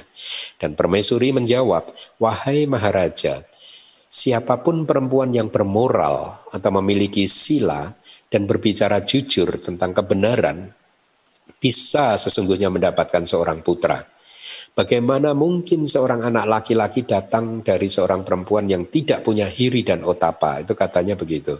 Uh, jadi tradisi mereka dulu begitu. Hiri dan otapa itu, hiri itu rasa malu, uh, tidak punya rasa uh, uh, di sini tidak punya hiri dan otapa, tidak punya rasa malu, setiap kali melakukan kejahatan. Otapa juga demikian, tidak punya rasa takut terhadap kejahatan dan konsekuensi dari perbuatan jahat. Permaisuri pun lalu naik ke istana di bagian atas dan mengambil sila, Pancasila, serta merenungkannya lagi dan lagi, merenungkan lima sila lagi dan lagi. Ketika permaisuri yang memiliki sila, lima sila tersebut sedang merenungkan Pancasilanya, Sesaat setelah harapannya untuk mempunyai anak laki-laki muncul, tempat duduk Saka di alam dewa sana eh, di Tawak Tingsa menjadi panas. Saka menyelidiki apa penyebabnya, ya. Ketika sudah mengetahuinya, dia memutuskan, saya akan menganugerahkan kepada permai, permaisuri yang bermoral tersebut seorang putra yang baik. Hati-hati, meskipun katanya menganugerahkan, tapi ini tidak seperti makhluk adidaya yang super oke okay, yang bisa menganugerahkan tanpa uh, dengan kekuatannya sendiri. Tidak, ya. Mari kita lanjutkan cerita seterusnya. Jadi kata menganugerahkan tadi artinya belakangan nanti akan Anda dengar ya. Singkat cerita, Saka turun menemui permaisuri dan berkata, apa yang kamu inginkan wahai Dewi? Dewi itu adalah panggilan untuk seorang raja perempuan. Raja laki-laki itu juga dipanggil dewa. Ya, wahai dewa, wahai raja gitu. Dewi berarti wahai raja perempuan atau wahai permaisuri begitu. Ketika ditanya si permaisuri menjawab, saya menginginkan seorang putra, wahai Maharaja. Lalu uh, wahai uh, Raja Putri uh, Dewi, saya akan memberi kamu seorang putra. Jangan bermuram durja. Hati-hati nanti kita dengarkan lanjutan ceritanya. Sesungguhnya Saka tidak bisa memberi begitu saja. Itu ya, nanti Anda akan dengarkan. Kemudian raja kembali ke dunia para dewa dan berpikir, apakah di antara para dewa ini, nah ini kuncinya, ada dewa di sini yang usianya habis. Nah, ini kuncinya. Ya. Saka tidak bisa memberikan seperti makhluk tadi yang makhluk maha oke okay, bisa memberikan tanpa sebab tanpa alasan enggak. Jadi arti anugerah dan memberi itu tadi begitu. Ada dewa di sini yang usianya hampir habis enggak? Ya. Lalu beliau tahu bahwa Maha Paduma Dewa tadi sudah hampir meninggal dunia. Lalu dia pergi ke istana si Dewa Maha Paduma untuk meminta sebagai berikut. Wahai Maha Paduma, tolong pergilah ke dunia para manusia Si Maha Paduma menjawab, janganlah berkata seperti itu. Dunia para manusia itu sangat menjijikkan. Kemudian Saka Raja Dewa berkata lagi, Wahai Maha Paduma, ketahuilah bahwa kamu bisa lahir di sini pun di alam dewa ini karena kebajikan yang kamu lakukan di bumi manusia. Maka sekarang ke sanalah dan penuhilah parami-parami kamu. Pergilah wahai Mahapaduma. Ingat ini katanya juga parami-parami ya, bukan upak parami ya. Jadi parami-parami yang biasa itu. Penuhilah parami-parami kamu, pergilah wahai Mahapaduma. Kemudian Mahapaduma berkata, berada di dalam kandungan itu sangat menyakitkan wahai Maharaja. Saya tidak kuat untuk menahannya untuk ada di dalam kandungan. Jadi rupanya dia masih teringat ketika lahir sebagai seorang perempuan, habis keluar dari neraka tadi, masuk ke kandungan perempuan, dia ingat kejadian itu gitu. Akhirnya dia lahir di Padumak Gabak lagi. Padumak Gabak tadi kandungan bunga terate, rahim bunga terate itu ya, atau interior bunga-bunga terate. Ketika saya dulu belajar di ITBMU, Suta ini sudah pernah disampaikan, saya juga sempat bertanya-tanya sih gitu. Tapi kalau interpretasi saya sendiri, ini lahir di antara uh, kumpulan bunga teratai, ya. Itu interpretasi saya, bukan di rahim bunga teratai atau ruangan yang ada di bunga teratai itu kan sangat kecil sekali kan. Permaisuri bermimpi mendapatkan seorang putra. Pada hari itu dia bermimpi. Ini persis seperti uh, istri atau permaisurinya Raja Sudodana ya. Dan malam itu di dalam mimpinya dia melihat ada seorang bayi di dalam kumpulan bunga terate atau tadi e, kalau diterjemahkan apa adanya itu padumak gabak itu ya rahim bunga terate gitu ya meskipun saya tidak mengartikannya seperti itu ya. Nah, eh, tidak ada subkomentarnya juga, jadi saya tidak bisa mendapat kejelasannya. Biasanya kalau sudah seperti ini, kalau saya punya waktu, saya akan melakukan uh, pencarian di sumber-sumber yang lain gitu. Tapi saat ini saya belum mempunyai waktu. Nah, uh, dia saya lanjutkan, si permaisuri bermimpi menemukan Mahapaduma di dalam interior bunga terate dan uh, akhirnya dia menangis bahagia gitu. Karena dia merasa bahwa dia akan mempunyai seorang putra gitu. Ya, singkat cerita akhirnya uh, karena mimpinya itu sangat kuat, itu dikatakan begini. Setelah bangun dari tidurnya, si permaisuri itu juga akhirnya ini ke taman gitu, ya. Uh, uh, sesuai dengan petunjuk di dalam mimpinya. Dia berjalan ke taman bunga terate dan singkat cerita di tempat yang eh, dia lihat di dalam mimpinya, dia melihat bayi laki-laki. Ya. Nah, bayi ini meskipun bukan putra kandungnya, tetapi kitab komentar menjelaskannya sebagai ketraja. Ketraja itu kayak anak yang diambil dari lapangan gitu ya atau bahasa populer zaman modern itu mungkin kayak anak adopsi itu. Tapi ini adopsi tidak ada pemiliknya sebenarnya, orang tuanya tidak ada begitu ya. Jadi ke Traja itu anak adopsi. Gitu. Saya rasa di kelas yang pertama sudah saya sampaikan juga ya, ada empat jenis anak atau lima jenis anak itu kan. Salah satunya ya putra adopsi ini, anak adopsi ini gitu ya. Nah, eh, Citraja itu adalah di lapangan atau ladang milik raja begitu ya. Jadi uh, karena anak ini berada di dalam tanah atau uh, ladang wilayah milik raja, maka dianggap anak ini adalah anaknya raja dan permaisuri. Memang seperti itu di dalam winaya juga seperti itu. Kalau biku sudah meninggalkan kepemilikan di satu tempat, maka yang lain juga bisa memilikinya gitu. Ya, karena dianggap sudah tidak ada pemiliknya gitu ya. E, sama kan kalau Anda ingin mengirimkan makanan atau mungkin e, hadiah kepada teman Anda misalkan ya uh, dan Anda pergi ke rumahnya ternyata rumahnya tertutup, Anda kan bisa tinggalkan hadiahnya katakanlah di tempat tertentu di dalam rumahnya kan. Bisa di depan pintu, bisa di mana pun atau di handle pintu gitu kan. Nah itu dianggap sudah menjadi barang milik si yang punya rumah. Jadi kalau Anda ambil, Anda mendapatkan benda seperti itu di rumah Anda, itu Anda ambil, Anda tidak mencuri Sesuai winaya pun juga itu tidak pelanggaran sila karena dianggap barang itu sudah ada di wilayah kita gitu dan dianggap tidak ada pemiliknya gitu dan dipersepsikan bahwa ada orang yang memberikannya kepada kita gitu. Begitu kira-kira ya. Nah, jadi anak itu pun akhirnya dianggap sebagai putra raja dan permaisuri tadi ya. Singkat cerita bayi tersebut diasuh dan dibesarkan dengan baik pada suatu hari ada seorang paceka Buddha sampai di isi Patana dan hidup di sana dengan menggantungkan wilayah pindak pataknya di kota Baranasi. Artinya beliau menggantungkan makanannya untuk dengan berpindah patah di kota Baranasi gitu ya atau Waranasi zaman modern ini. Setelah bangun pagi-pagi sekali dan melakukan semua kewajiban seperti tugas-tugas yang berhubungan dengan tempat tinggal, yang membersihkan tempat tinggal gitu, tugas yang berkaitan dengan tubuh, misal ke ke ke, ke, ke toilet, ke kamar mandi dan seterusnya dan lain-lain. Dia kemudian berkata di dalam hati, hari ini saya akan menerima makanan derma di mana. Jadi kebiasaan para bante yang mempunyai kewelas asihan itu akan seperti itu. Saya hari ini berpindah patah ke mana? Apakah ada orang di sana yang akan bisa mendapatkan manfaat ketika saya ke sana atau tidak? Buddha pun kan juga sering seperti itu.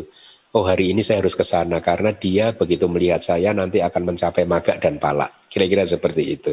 Nah Paceka Buddha juga melakukan yang uh, seperti itu. Dia akhirnya melihat keberhasilan atau sampati yang sudah sering saya jelaskan di kelas hukum karma ya ada empat sampati dan empat wipati empat keberhasilan dan empat kegagalan itu sudah saya jelaskan di buku karma saya juga ada Anda bisa membaca di sana jadi Paceka Buddha ini melihat sampati, keberhasilan dari pangeran. Sampati itu keberhasilan itu ada faktor-faktor yang mendukung untuk matangnya sebuah karma baik. Ya. Dan dia pun kemudian menginvestigasinya. Si Paceka Buddha menginvestigasi seperti ini. Karma apa yang telah dia lakukan di masa lalu? Dan ketika dia paham bahwa Mahapaduma di masa lalu berdana makanan derma ke seorang Paceka Buddha dan mengucapkan harapan eh, harapan-harapan yang tadi ya ternyata ada empat harapan bukan lima tadi saya salah ya empat harapan ya Tiga harapan yang pertama itu telah terpenuhi. Ya, telah terpenuhi, yaitu apa? Menjadi orang yang disayang sudah terpenuhi. Tidak lahir lagi dalam kandungan sudah terpenuhi.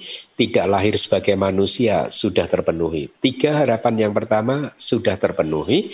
Yang terakhir belum, yaitu harapan dia yang mengatakan tadi seperti ini. Setelah mengatasi penderitaan di samsara ini, semoga pada akhirnya saya bisa mencapai keabadian yang Anda juga telah mencapainya, mencapai nirba, nibana ya dengan maga dan pala ya. Lalu Paseka Buddha memutuskan seperti ini. Dengan cara tertentu saya akan memberikan dia sebuah objek seperti yang Paceka Buddha di stansa yang awal tadi gitu ya. Paceka Buddha pun akhirnya berjalan untuk berpindah patah di dekat dia. Ketika pangeran melihat dia, maka dia berkata, "Wahai pertapa, wahai pertapa, jangan kemari. Orang-orang ini akan mengganggu Anda gitu. Karena kata-kata ini Paceka Buddha pulang kembali ke kutinya. Nah, pangeran salah mengartikan pikirannya, Paceka Buddhanya marah gitu. Dia berkata kepada pengikutnya, apakah dia marah kepada saya? dan dia pun diberitahu seorang pertapa yang seperti itu biasanya sudah tidak mempunyai rasa marah lagi pasti dia tidak marah gitu tapi walaupun sudah diberitahu demikian bahwa seorang pertapa tidak akan marah tetap, uh, dia tetap saja uh, tidak uh, percaya dan dia memutuskan uh, untuk menemui Paceka Buddha tadi ya. Saya akan pergi ke sana untuk meminta maaf kepada beliau. Padahal si Paceka Buddha tadi berpindah patah memang tujuannya hanya untuk memperlihatkan sebuah objek supaya pangeran melihat. Ini sebagai sebuah kondisi yang sangat kuat untuk pencapaian tingkat kesucian Paceka Buddha dia nantinya begitu. Ini cara Paceka Buddha quote unquote mengajar ya meskipun dikatakan Paceka Buddha tidak mengajar ya nah saya akan meminta maaf kepada dia. Pangeran pun berangkat untuk menemui Paceka Buddha. Mengetahui bahwa dia akan datang, maka Paceka Buddha kembali dengan sengaja menyapu jalanan di tempat tinggal dia dan membuatnya mulus gitu ya. Dan dia berjalan ke sana dan kemari dua kali dengan sengaja hanya untuk meninggalkan jejak kakinya dia ya, eh, tapak kakinya dia gitu. Lalu dia menyapu bersih area di mana dia sering menghabiskan waktu di siang hari dan juga area di dekat gubuk dia dari atap daun uh, gubuk atap daun dia itu juga dibersihkan menghaluskannya merapikannya gitu dan dia sengaja meninggalkan juga di jalanan jejak kaki kedatangan tapi tidak ditunjukkan jejak kaki kepergiannya hanya kedatangannya saja lalu dia pergi ke tempat lainnya Ketika pangeran datang, dia melihat jejak kaki itu semua tadi gitu. Para pengawal dia juga berkata, sepertinya Paceka Buddha tinggal di sini. Ketika melihat jalanan yang bersih, mulus seperti itu, pangeran merenung. Pertapa ini yang berjalan ke sana kemari di sini, tidak berpikir untuk bekerja sama sekali. Sudah pasti dia hanya memikirkan keselamatan dirinya sendiri saja. Kemudian pangeran melanjutkan investigasinya, dia pergi ke tempat tinggal Paceka Buddha di siang hari.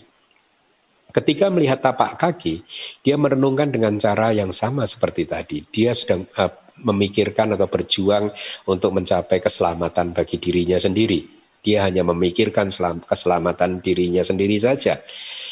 Lalu dia mengikuti jejak kaki yang menuju ke gubuk Paceka Buddha. Dia buka pintu dan masuk. Dia mengamati ke sekeliling dan tidak melihat Paceka Buddha, tapi dia melihat lempengan batu yang lempengan batu yang biasa dia digunakan oleh Paceka Buddha untuk duduk. Dia kali ini merenung, pertapa ini duduk di sini dan tidak berpikir tentang pekerjaan cari nafkah dan lain-lain. Pasti dia sedang memikirkan kewajiban-kewajiban pertapaan saja demi keselamatan dirinya sendiri. Gitu. Jadi ini menjadi titik balik bagi si raja tadi, uh, uh, bagi si pangeran ya, titik baliknya. Akhirnya dia pun duduk di sana, ya, duduk di lempengan batu tadi, merenung dan bermeditasi Akhirnya dia mampu memenuhi samata dan wipasana, ingat samata dan wipasana, hingga akhirnya dia merealisasi pencerahan sebagai paceka Buddha. Dia menikmati kedamaian dan kebahagiaan adi duniawi dan tidak keluar dari gubuk tersebut. Singkat cerita, para menteri memutuskan untuk masuk ke gubuk karena dia udah menunggu lama kok pangeran nggak keluar-keluar. Akhirnya para menteri memutuskan masuk ke gubuk untuk mengajak pangeran pulang ke kerajaan. Mereka melihat pangeran duduk bermeditasi, tapi mereka berpikir bahwa pangeran sedang merenung atau memikirkan Paceka Buddha. Mereka mengajak pulang dan menjanjikan kepada pangeran untuk ke sini lagi keesokan harinya agar bisa bertemu dengan Paceka Buddha. Jadi karena para menterinya ini dikiranya pangeran sedih gitu loh. Kok Paceka Buddha tidak ada, dia duduk di, pin, uh, di lempengan batu memejamkan mata. Dia tidak tahu bahwa Paceka Buddha sedang menikmati kedamaiannya gitu. Ya, nah Ketika para menteri berkata, mari kita pulang, besok kita ke sini lagi, semoga besok kita bisa bertemu Paceka Buddha, pangeran menjawab bahwa dia tidak memikirkan itu dan bahwa dia sudah melampaui semua pemikiran-pemikiran seperti itu dan dia menegaskan saya adalah seorang Paceka Buddha. gitu. Demikian uh, kata dia. Nah, uh, jadi uh, untuk apa penjelasan-penjelasan yang lain seperti misalkan seperti cula tunggal seekor uh, badak meskipun tidak dijelaskan di stansa-stansa yang berikutnya tetapi kitab komentar menjel, uh, menyatakan bahwa penjelasan persis seperti yang ada di stansa yang pertama yang nomor ke-36 Baik, saya rasa uh, sampai di sini saja karena waktu juga sudah pas jam 10 lebih 5 menit ya. Uh, saya cukupkan di sini. Ya sebenarnya saya masih mempunyai beberapa materi, tetapi ternyata waktunya tidak uh, mencukupi. Uh, terima kasih uh, sudah mendengarkan ini semua. Semoga uh, apa yang anda dengarkan tadi ya penjelasan-penjelasan yang ada di kitab yang usianya sudah 2.500 tahun lebih begitu ya uh, bisa menjadi kondisi yang sangat kuat untuk pencapaian maga pala dan nibbana Anda. Terima kasih. Sadu, sadu, sadu. Anumodana Bante atas penjelasan suta yang telah disampaikan kepada kami. Semoga kami semua mendapatkan manfaat tertinggi dari pendengaran dhamma ini. Bagi mita yang membutuhkan slide kelas Pariyati Sasana ini dapat mengunduhnya di website DBS di www.damawihari.or.id atau ada di tautan pada deskripsi YouTube ceramah kelas Pariyati Sasana ini. Selanjutnya kita akan memasuki sesi tanya jawab. Untuk itu kami akan bacakan tata tertib sesi tanya jawab ini. Kami persilahkan kepada Kalamita bagi yang ingin bertanya bisa langsung klik tanda raise hand di mana fitur ini ada di bagian reaction tepatnya di bagian bawah kanan bagi yang menggunakan komputer dan ada di bagian more bagi yang menggunakan handphone. Host akan menentukan siapa yang mendapatkan giliran untuk bertanya dan diharapkan pertanyaan sesuai dengan topik ceramah. Bagi Kalimita yang diperbolehkan bertanya akan di-unmute oleh host dan kami minta kalian minta untuk memperkenalkan diri terlebih dahulu dengan menyebutkan nama dan kota atau negara tempat domisili. Dikarenakan adanya keterbatasan waktu, maka harap maklum apabila tidak semua penanya akan mendapatkan giliran. Ya, kami masih menunggu uh, kesempatan pertama. Ya, kepada saudara Joni kami persilahkan uh, mendami Bante. Eh, ini kamera saya belum bisa muncul panitia. Hmm? kamera saya belum bisa muncul. Uh, panik ada Wandami Bante. Yeah, Joni dari mm -mm. Uh, saya mau nanya mengenai uh, meditasi penghentian atau niroda sama pati itu yang selama ini kita ketahui kan uh, Samanta dan Wipasana. Lanjut, uh, setahu saya Niroda sama Pati ini kan yang bisa melakukan minimal anagami ya ke atas minimal anagami ya. Yang saya mau tanya adalah uh, fungsinya apa ya ini Niroda sama Pati ini dan kira-kira dia seperti apa gitu Bang? Kalau Samanta kan dia bisa jana apa nanti kita pakai jananya masuk ke Vipassana untuk melihat nama dan rupa gitu-gitu ya. Tapi kalau hmm. untuk niroda sama pati ini penting. Demikian penting. ya Pak. Hah? Fungsinya ya. Ya fungsinya dan kira-kira dia gimana gitu loh. Oke. Okay. Baik. Jana Baik.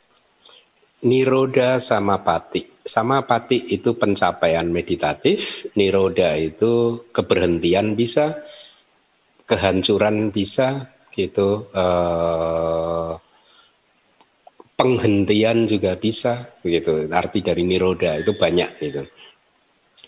Nah niroda sama pati jadi singkatnya niroda sama pati ketika seseorang berada di dalam niroda sama pati itu semua proses batin dan juga tubuh jasmani yang lahir dari cita itu berhenti untuk sesaat.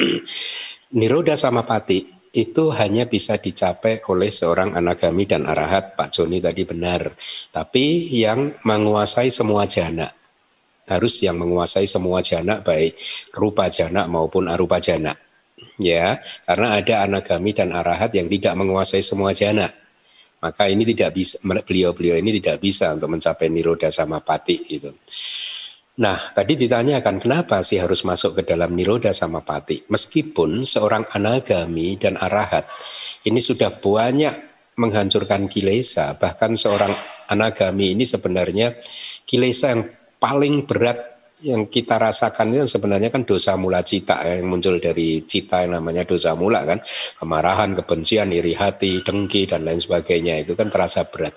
Anagami sudah menghilangkan itu semua. Jadi artinya sesungguhnya kualitas batinnya sudah sudah banyak damainya gitu. Ya, tapi walaupun demikian, jangankan anagami, seorang arahat yang sudah tidak mempunyai kilesa saja merasakan bahwa agregat ini adalah beban pancakanda ini adalah beban. Hmm, saya sudah pernah berceramah juga tentang suta tentang beban itu juga bagus ya gitu. Nah, nanti mungkin boleh didengarkan lagi uh, beban barak suta ya, uh, barak. Jadi agregat itu adalah beban. Benar-benar membebani bahkan seorang arahat pun merasakan ini adalah beban. Ya.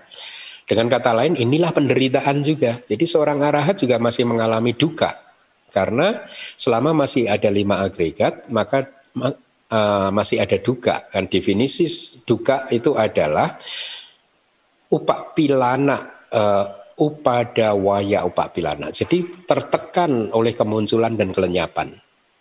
Ya, agregat seorang arahat masih juga muncul dan lenyap, muncul dan lenyap Inilah duka, inilah definisi duka. Nah, seorang arahat merasakan bahwa agregat-agregatnya pun menjadi beban. Oleh karena itu, ketika beliau ingin melepaskan beban ini selama masih hidup dan beliau eh, ketika beliau ingin melepaskan beban, beliau akan masuk ke niroda samapati untuk menikmati uh, keadaan terbebas dari beban-beban itu tadi. Begitu ya. Karena di dalam Niroda Samapati yang bisa berlangsung sampai tujuh hari lamanya, selama itu pula bayangkan, tergantung determinasinya sih. Baik maksimal dikatakan tujuh hari. Kenapa tujuh hari maksimal? Karena dikatakan tubuh manusia ini eh, eh, mampu bertahan tanpa makanan dan tanpa minuman selama tujuh hari. Jadi setelah tujuh hari biasanya para arahat atau anagami ini akan keluar secara otomatis dari pencapaian meditatif niroda samapati ini tadi gitu ya. Tergantung kalau beliau ingin masuk ke niroda samapati satu jam dua jam juga bisa maksimal bisa sampai tujuh hari karena tubuh jasmani di hari yang ketujuh lewat sudah membutuhkan air dan makanan baru lagi gitu ya. Nah, selama berada di dalam pencapaian meditatif Niroda Samapati ini, semua arus atau rangkaian kesinambungan kontinuitas atau bahasa palinya santati itu ya, itu berhenti, Pak. Kayak kita ini batin kita ini kan sekarang kayak kayak arus sungai mengalir deras, muncul lenyap, muncul lenyap. Nah, ketika berada di Niroda Samapati itu terputus. Selama beliau mengucapkan determinasinya, tekadnya gitu ya. Dan tidak hanya itu, tubuh jasmani dia proses beliau yang tubuh jasmani ini kan muncul dari empat ya, muncul dari empat sumber kama, cita, utu, te, kama, kesadaran, temperatur dan makanan. Ya. Jadi eh, yang berasal dari eh, cita berhenti kesadaran. Karena kesadarannya berhenti, maka materi yang lahir dari cita juga berhenti. Jadi begitu Pak Joni kira-kira keadaannya itu, seperti itu. Ibarat uh, di Nibana gitu ya, Bante? Uh, uh, tidak Pak, karena itu tidak ada cita yang mengambil Nibana pada saat itu. Karena citanya berhenti, kesadarannya berhenti. Sama sekali berhenti gitu. Berarti fungsinya hanya untuk lepas beban lah gitu ya. Melepaskan beban agregat. Ya. Ya. Oke, anu Nana. Oke. Okay. Kalau seorang anagami, eh, seorang arahat mau menikmati nibana, ya, eh, beliau biasanya mencap, eh, disebutnya mencapai palak sama pati, pencapaian buah. Hmm. Beliau menikmati kebahagiaan di dalam nibana. Mudah-mudahan Baik. Ya. Baik, terima kasih ya. untuk uh, penjelasannya Bante. Kesempatan kedua kami persilahkan kepada Saudara Eka Santuti Wijaya untuk bertanya. Kepada Bapak Eka kami persilahkan. Pandami Bante, selamat siang. Eh, Pak Dokter ya? Iya Bante. Ikat kepalanya bagus Pak Dokter. Ini udang namanya Bante. Oke okay, oke. Okay. Kasih Bali Bante. Gimana Pak Dokter? Uh, ini Bante um, merujuk tadi ada pernyataan tentang uh, apa namanya uh, apa sandinya uh, dari neraka ke kandungan itu sehingga menyebabkan ibunya juga terasa panas gitu Bante karena hmm, hmm. Uh, terlahir dari alam neraka tadi. Nah, saya hubungkan kebetulan uh, di bidang saya kebetulan men, meng, apa, menghadapi kasus yang hmm. mungkin Bante ya. Jadi uh, kehamilan kami pernah menangani kehamilan di kandungan Bante. Kenapa Pak Dokter? Kehamilan? Di mana kehamilan ini sebenarnya kehamilan di luar kandungan Bante. Oh, Jadi posisi itu di luar rahim, Bante. Oh, panas ya? Nah, jadi notabene kehamilan ini harus di, enak, artinya harus dihentikan, Bante. Maksud saya begini. Jadi uh, bayinya masih hidup, notabene masih hidup, uh, uh, tapi tapi harus dihentikan. Kalau tidak dihentikan, uh, otomatis akan membayarkan nyawanya si ibu. Oh, Oh gitu. Nah, okay. jadi maksud saya apakah bertentangan dengan panatipata karena kriteria panatipata di sini sudah terpenuhi empat Bante. Cuman niat saya membunuh nggak ada, tapi bayinya saya tahu masih hidup gitu loh Bante. Hmm, oh, udah dua yang... bulan tiga bulan gitu Bante. Usia udah dua bulan tiga bulan ya Pak ya? Ya, dan kenyataannya saya dari USG kan kelihatan masih memang Bante. Jadi, tapi mau nggak mau harus di, di, di istilahnya ya dihentikan gitu Bante. Karena kalau anak itu nyawa orang tuanya akan terancam gitu Bante. Oh, Oke. Okay. Nah, Jadi kalau pertanyaannya, dari segi abidama itu gimana Bante? Apakah ini panatipata ya? Ya, jadi empat syaratnya sudah terpenuhi kayak Bante. Kenapa Pak Dokter? Uh, empat syarat dari abidama yang apa kan ada lima syarat uh, lima itu ya Bante. Terpenuhi nggak? Ah, jadi kayak terpenuhi empatnya Bante. Tapi niatnya nggak ada membunuh, niat membunuh nggak ada Bante. Gitu. Oh oke okay. baik baik baik ya. Kalau niatnya nggak ada berarti ya. satu faktor pun tidak terpenuhi maka itu bukan panatipata Pak bukan panatipata. Satu hmm, faktor pun iya, tidak iya. terpenuhi, maka itu bukan panatipata. Ya, satu. Kedua, nanti Pak Dokter ini kalau sudah terima buku yang akan di launching nanti siang, Pak, itu ada kasus sensitif yang mirip-mirip seperti ini, Pak. Yang saya jelaskan di kata pendahuluan. Nanti Pak Dokter bisa baca. Ya. Jadi begini, Pak Dokter. Uh, seorang seorang biku itu tidak diperkenankan makan daging 10 macam binatang. Ini mirip kejadiannya mirip, makanya saya saya sampaikan ke Pak Dokter. Ya, tidak boleh makan daging eh, uh, 10 daging binatang, misalkan daging uh, kuda, gajah, terus uh, singa yang tapi yang kayak panther dan lain sebagainya gitulah. Ada 10. Ini biku dilarang makan daging ini gitu ya. Tapi pada suatu hari gitu eh, ada paceklik Pak Dokter, ada paceklik sehingga bikunya ini kekurangan makanan. Ya, yang ada itu makanan dari daging yang dilarang itu tadi, itu ya. Nah, tetapi si umat ini tahu ini, ini kalau nggak diberi makanan akan meninggal dunia bikunya atau akan menderita begitu. Sehingga niat dia adalah ketika dia mempersembahkan daging ini, ya, uh, dia mengatakan ini bukan misal katakanlah ini daging panther yang dilarang gitu ya, tapi dia mengatakan ini adalah daging babi. Katakanlah begitu, daging babi nggak dilarang. Ini daging babi bante gitu. Kelihatannya berbohong kan Pak Dokter? Nah, ya kelihatannya berbohong. Kalau orang nggak hati-hati, maka ini akan dianggap berbohong, begitu.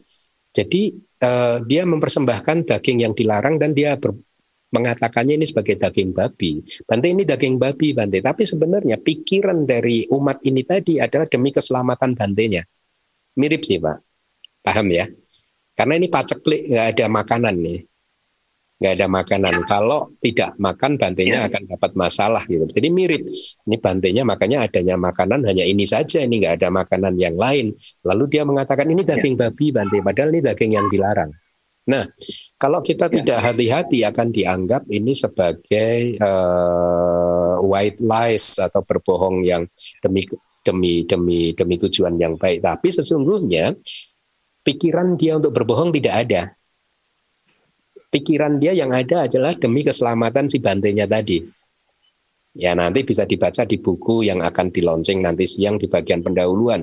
Saya adakan studi dan sempat saya tanyakan ke beberapa seado di Myanmar gitu. Nah kembali lagi, kalau memang niat itu tidak ada, ya itu mirip dengan kejadian ini tadi yang si umat tadi tidak berbohong Pak Dokter. Jadi ya. Singkatnya, kalau ada satu faktor saja tidak terpenuhi maka itu bukan ini singkatnya seperti uh, itu gitu. Jadi uh, memang tapi tetap saja Pak Dokter juga harus hati-hati. Saya tahu sih profesi dokter ini spesialis apa juga ngerti ya. Berhati-hati juga ya Pak ya supaya tidak melakukan uh, tidak jatuh dalam uh, apa karma-karma uh, yang malah tidak baik ya. Jadi singkatnya begitu Pak, kalau satu faktor pun tidak terpenuhi maka Pak dokter terbebas dari karma itu. Ya Bante, merujuk ke penjelasan Bante tentang karma itu, uh, itu kan uh, misalnya tidak bisa menjadi jalan karma, tapi masih mungkin dia bisa menjadi uh, faktor uh, karma pendukung atau penghalang ya Bante? Iya, mungkin Pak. Uh, begini Pak, Pak dokter. uh, eh, apa? Sebentar. Kalau karma pendukung, karma penghalang, hmm. karena itu bukan karma buruk, Pak. Kalau benar itu tidak ada niat, Pak Dokter nggak melakukan karma buruk. Seperti oh, si tidak terpenuhi. Seperti si umat ini tadi yang ber, katanya kelihatannya berbohong, dia tidak melakukan ya. karma buruk. Bahkan Sayado mengatakan, para Sayado, nanti ada di buku yang nanti di launching, itu adalah perbuatan ya. yang baik sekali karena menyelamatkan si bikunya tadi. Oh ya ya penting. Jadi, jadi, jadi itu bukan karma buruk sehingga tidak jangan khawatir itu nanti akan jadi karma penghalang atau karma ini yang lain-lain yang muncul di kehidupan sehari-hari. Ya kalaupun muncul bagus karena itu karma baik, Pak. Pak Dokter. Aduh. Karena kan niatnya Pak Dokter menyelamatkan orang kan, gitu kira-kira begitu. Ibunya, yang menyelamatkan ya. ibunya Bante. Ya. Iya, pikirannya itu seperti itu. Nanti mungkin karena ini sensitif sih, makanya di buku yang yang nanti akan di launching juga saya uh, saya tulis kasus ini sensitif gitu kasus seorang umat mempersembahkan makanan termasuk yang Pak Dokter ini juga sensitif yang membutuhkan penjelasan dengan baik dan benar gitu. Dan saya suka untung Pak Dokter menanyakan ke saya. Sadu Bante, Sadu sudah jelas kan? Karena yeah. termasuk jalan karma ya Bante. Bukan, bukan. Terima kasih banyak Bante. Iya. Nah.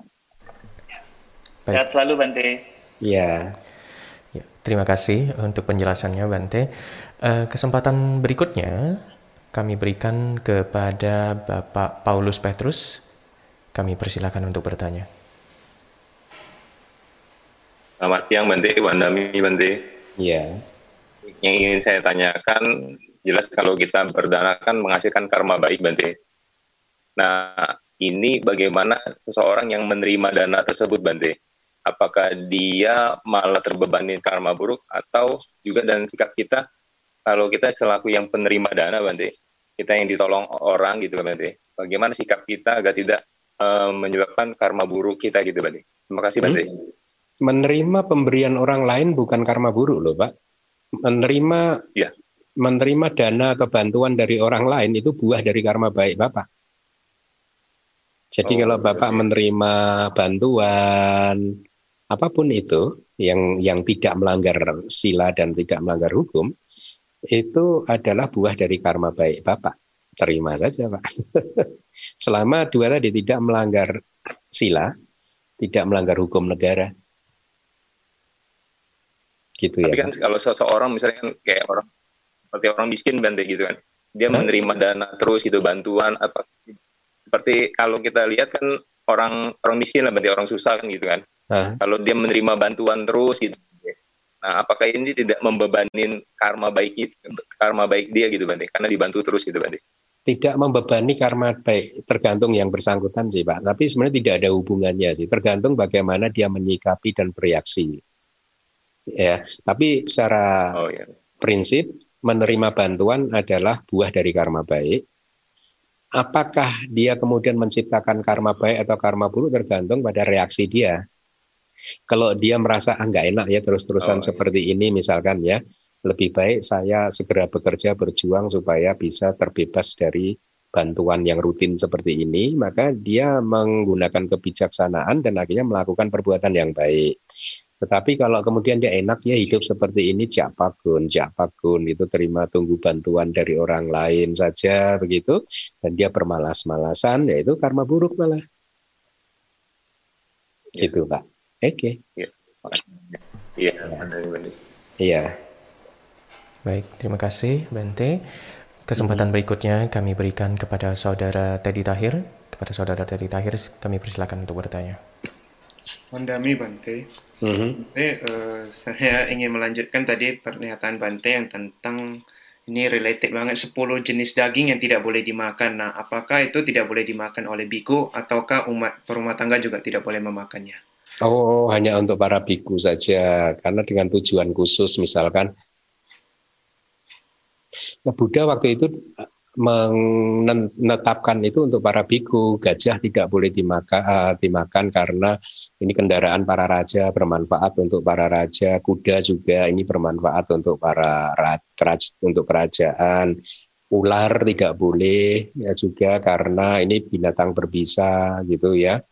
Dan dan dulu pernah ada satu kitab sub komentar yang mungkin kitab sub komentar baru sekali ya bukan termasuk yang mula gitu mengatakan bahwa ular itu eh, kayak bisa memotret siapa pembunuhnya. Ketika dibunuh kalau dia bertatap pandang dengan kita katanya di matanya itu dia masih ada potretnya gitu dan ular lain akan mengetahuinya katanya begitulah.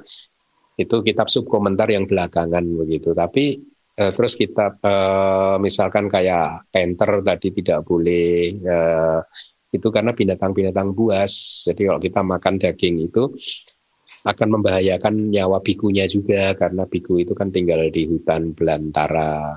Ya, jadi kalau tubuh kita ini uh, dicium oleh mereka telah pernah memakan temannya, mereka juga bisa marah dan menyerang kita. Gitu sih. Oh, Oke, okay, Bante. Uh, baik, Bante. Uh, one one last question, Bante. Nah, uh, berhubungan tadi ada raja yang pesta. Nah, saya ingin bertanya gimana sih pesta di zaman Sang Buddha, Bante? Maksudnya kan di kita ini kan kalau pesta itu kan condong bisa pembunuhan, kita pesan daging, itu kan ada terjadi pembunuhan. Misalnya ada seribu audience, berarti kan kita pesannya seribu daging gitu misalnya. Berarti kan oh. artinya kan indikasi terjadi pembunuhan. Nah, bagaimana itu di zaman Sang Buddha begitu?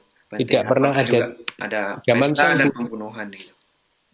Tidak pernah ada cerita pembunuhan ya. Jadi ya diasumsikan semua orang sudah pada paham ya bahwa eh, bagaimana menghindari pembunuhan dan lain sebagainya. Hmm, ya, yang pasti tidak ada cerita bahwa besok ada pesta maka rakyat membunuh binatang itu nggak ada, nggak ada ininya sih. Okay. Gitu, ya. Baik, terima kasih Oke. Okay. Baik, terima kasih Bante. Eh, kesempatan berikutnya kami berikan kepada Saudari Indri Susana. Kepada Ibu Indri, kami persilakan untuk bertanya.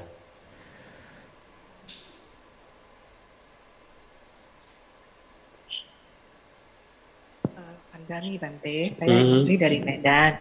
Uh, Bante, saya hendak menanyakan tadi kan uh, terkait uh, Bante ada bilang soal uh, setiap kita selesai melakukan sesuatu kebajikan atau karma baik gitu, kan sebaiknya kita mengucapkan aspirasi yang positif gitu ya Bante ya. Mm-hmm. Uh, jadi kalau misalnya uh, kalau kadang kita kan masih putu jana gitu. Jadi uh, kadang saya ragu, boleh nggak misalnya jika kita selesai melakukan suatu kebajikan itu kita mengucapkan uh, uh, cita-cita atau uh, aspirasi kita, tapi itu yang masih bersifat duniawi gitu misalnya kita setelah selesai melakukan suatu kebajikan kita uh, berdoa semoga dengan kekuatan jasa kebajikan ini berbuah dalam bentuk ya sesuai keinginan kita itu Bante. Atau sebenarnya itu merupakan suatu kilesa yang bersumber atau berakar dari loba uh, jadi saya ragu gitu sebenarnya itu boleh nggak gitu? Sesuai dengan dharma nggak? Dan kalau itu tidak boleh cara yang benar kalau kita mempunyai keinginan yang hendak kita capai itu bagaimana ya Bante? Misalnya Bu bisa diberi contoh yang aspirasi yang ada loba atau apa yang dipertanyakan tadi contohnya? Uh, misalnya contoh uh, jika uh, kita belum memiliki uh, contoh misalnya belum memiliki anak perempuan atau misalnya kita contoh belum memiliki anak laki-laki terus kita uh, setelah melakukan suatu kebajikan uh, kita berdoa bahwasanya semoga dengan jasa kebajikan ini uh, berharap bahwasanya kita bisa memiliki contoh misalnya kalau oh, kita okay. anak perempuan ah begitu Bante. Oke okay, oke. Okay. Saya rasa kalau ya. anak itu tadi boleh-boleh saja sih Bu. Saya saya berikan kuncinya saja.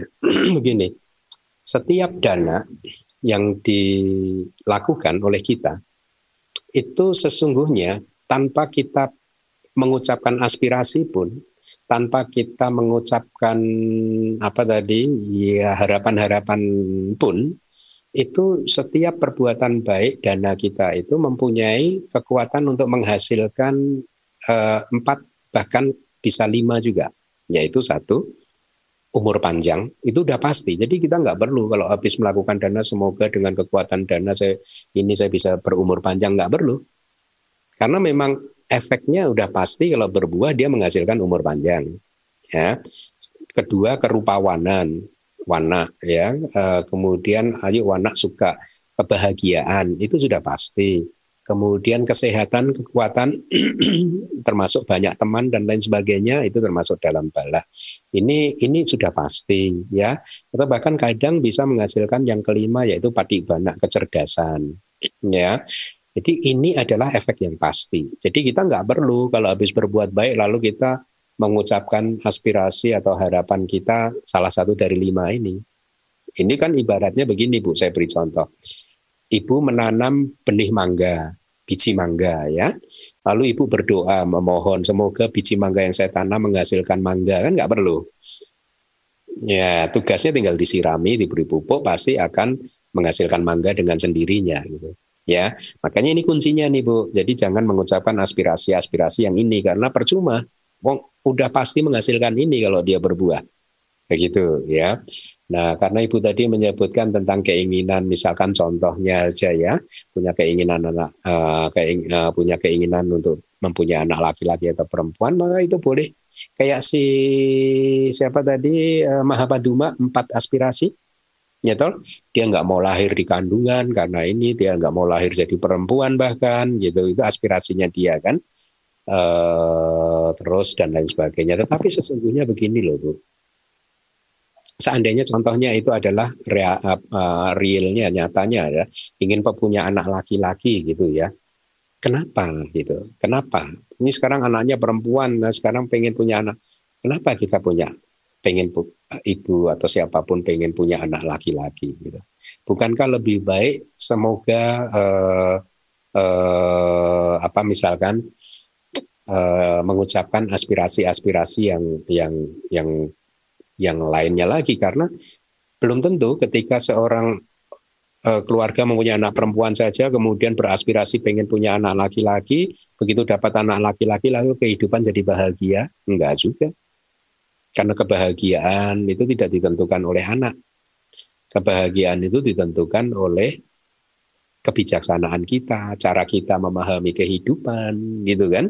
Ya, kalau misalkan kebahagiaan ditentukan oleh anak, maka mereka yang punya anak perempuan saja nggak mungkin bahagia. Tapi kan nggak begitu kejadiannya. Atau mereka nggak punya anak, nggak pasti menikah nggak punya anak, nggak akan bisa bahagia. Tapi kan nggak, nggak begitu. Jadi saya pikir lebih baik aspirasi diucapkan misalkan semoga dengan kebajikan ini ya saya bisa selalu berlindung kepada Buddha, Dhamma, dan Sangha di seluruh kehidupan sampai nanti saya mencapai Nibbana.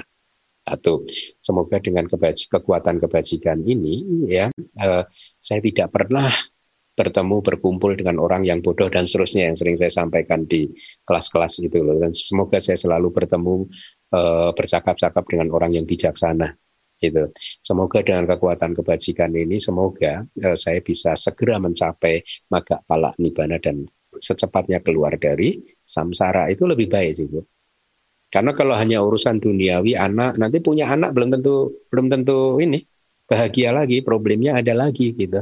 Tidak menyelesaikan masalah. Betul tidak? Ya. Jadi uh, begitu Bu, ya. Anumodana Bante. Baik, terima kasih Bante untuk uh, jawabannya dan penjelasannya.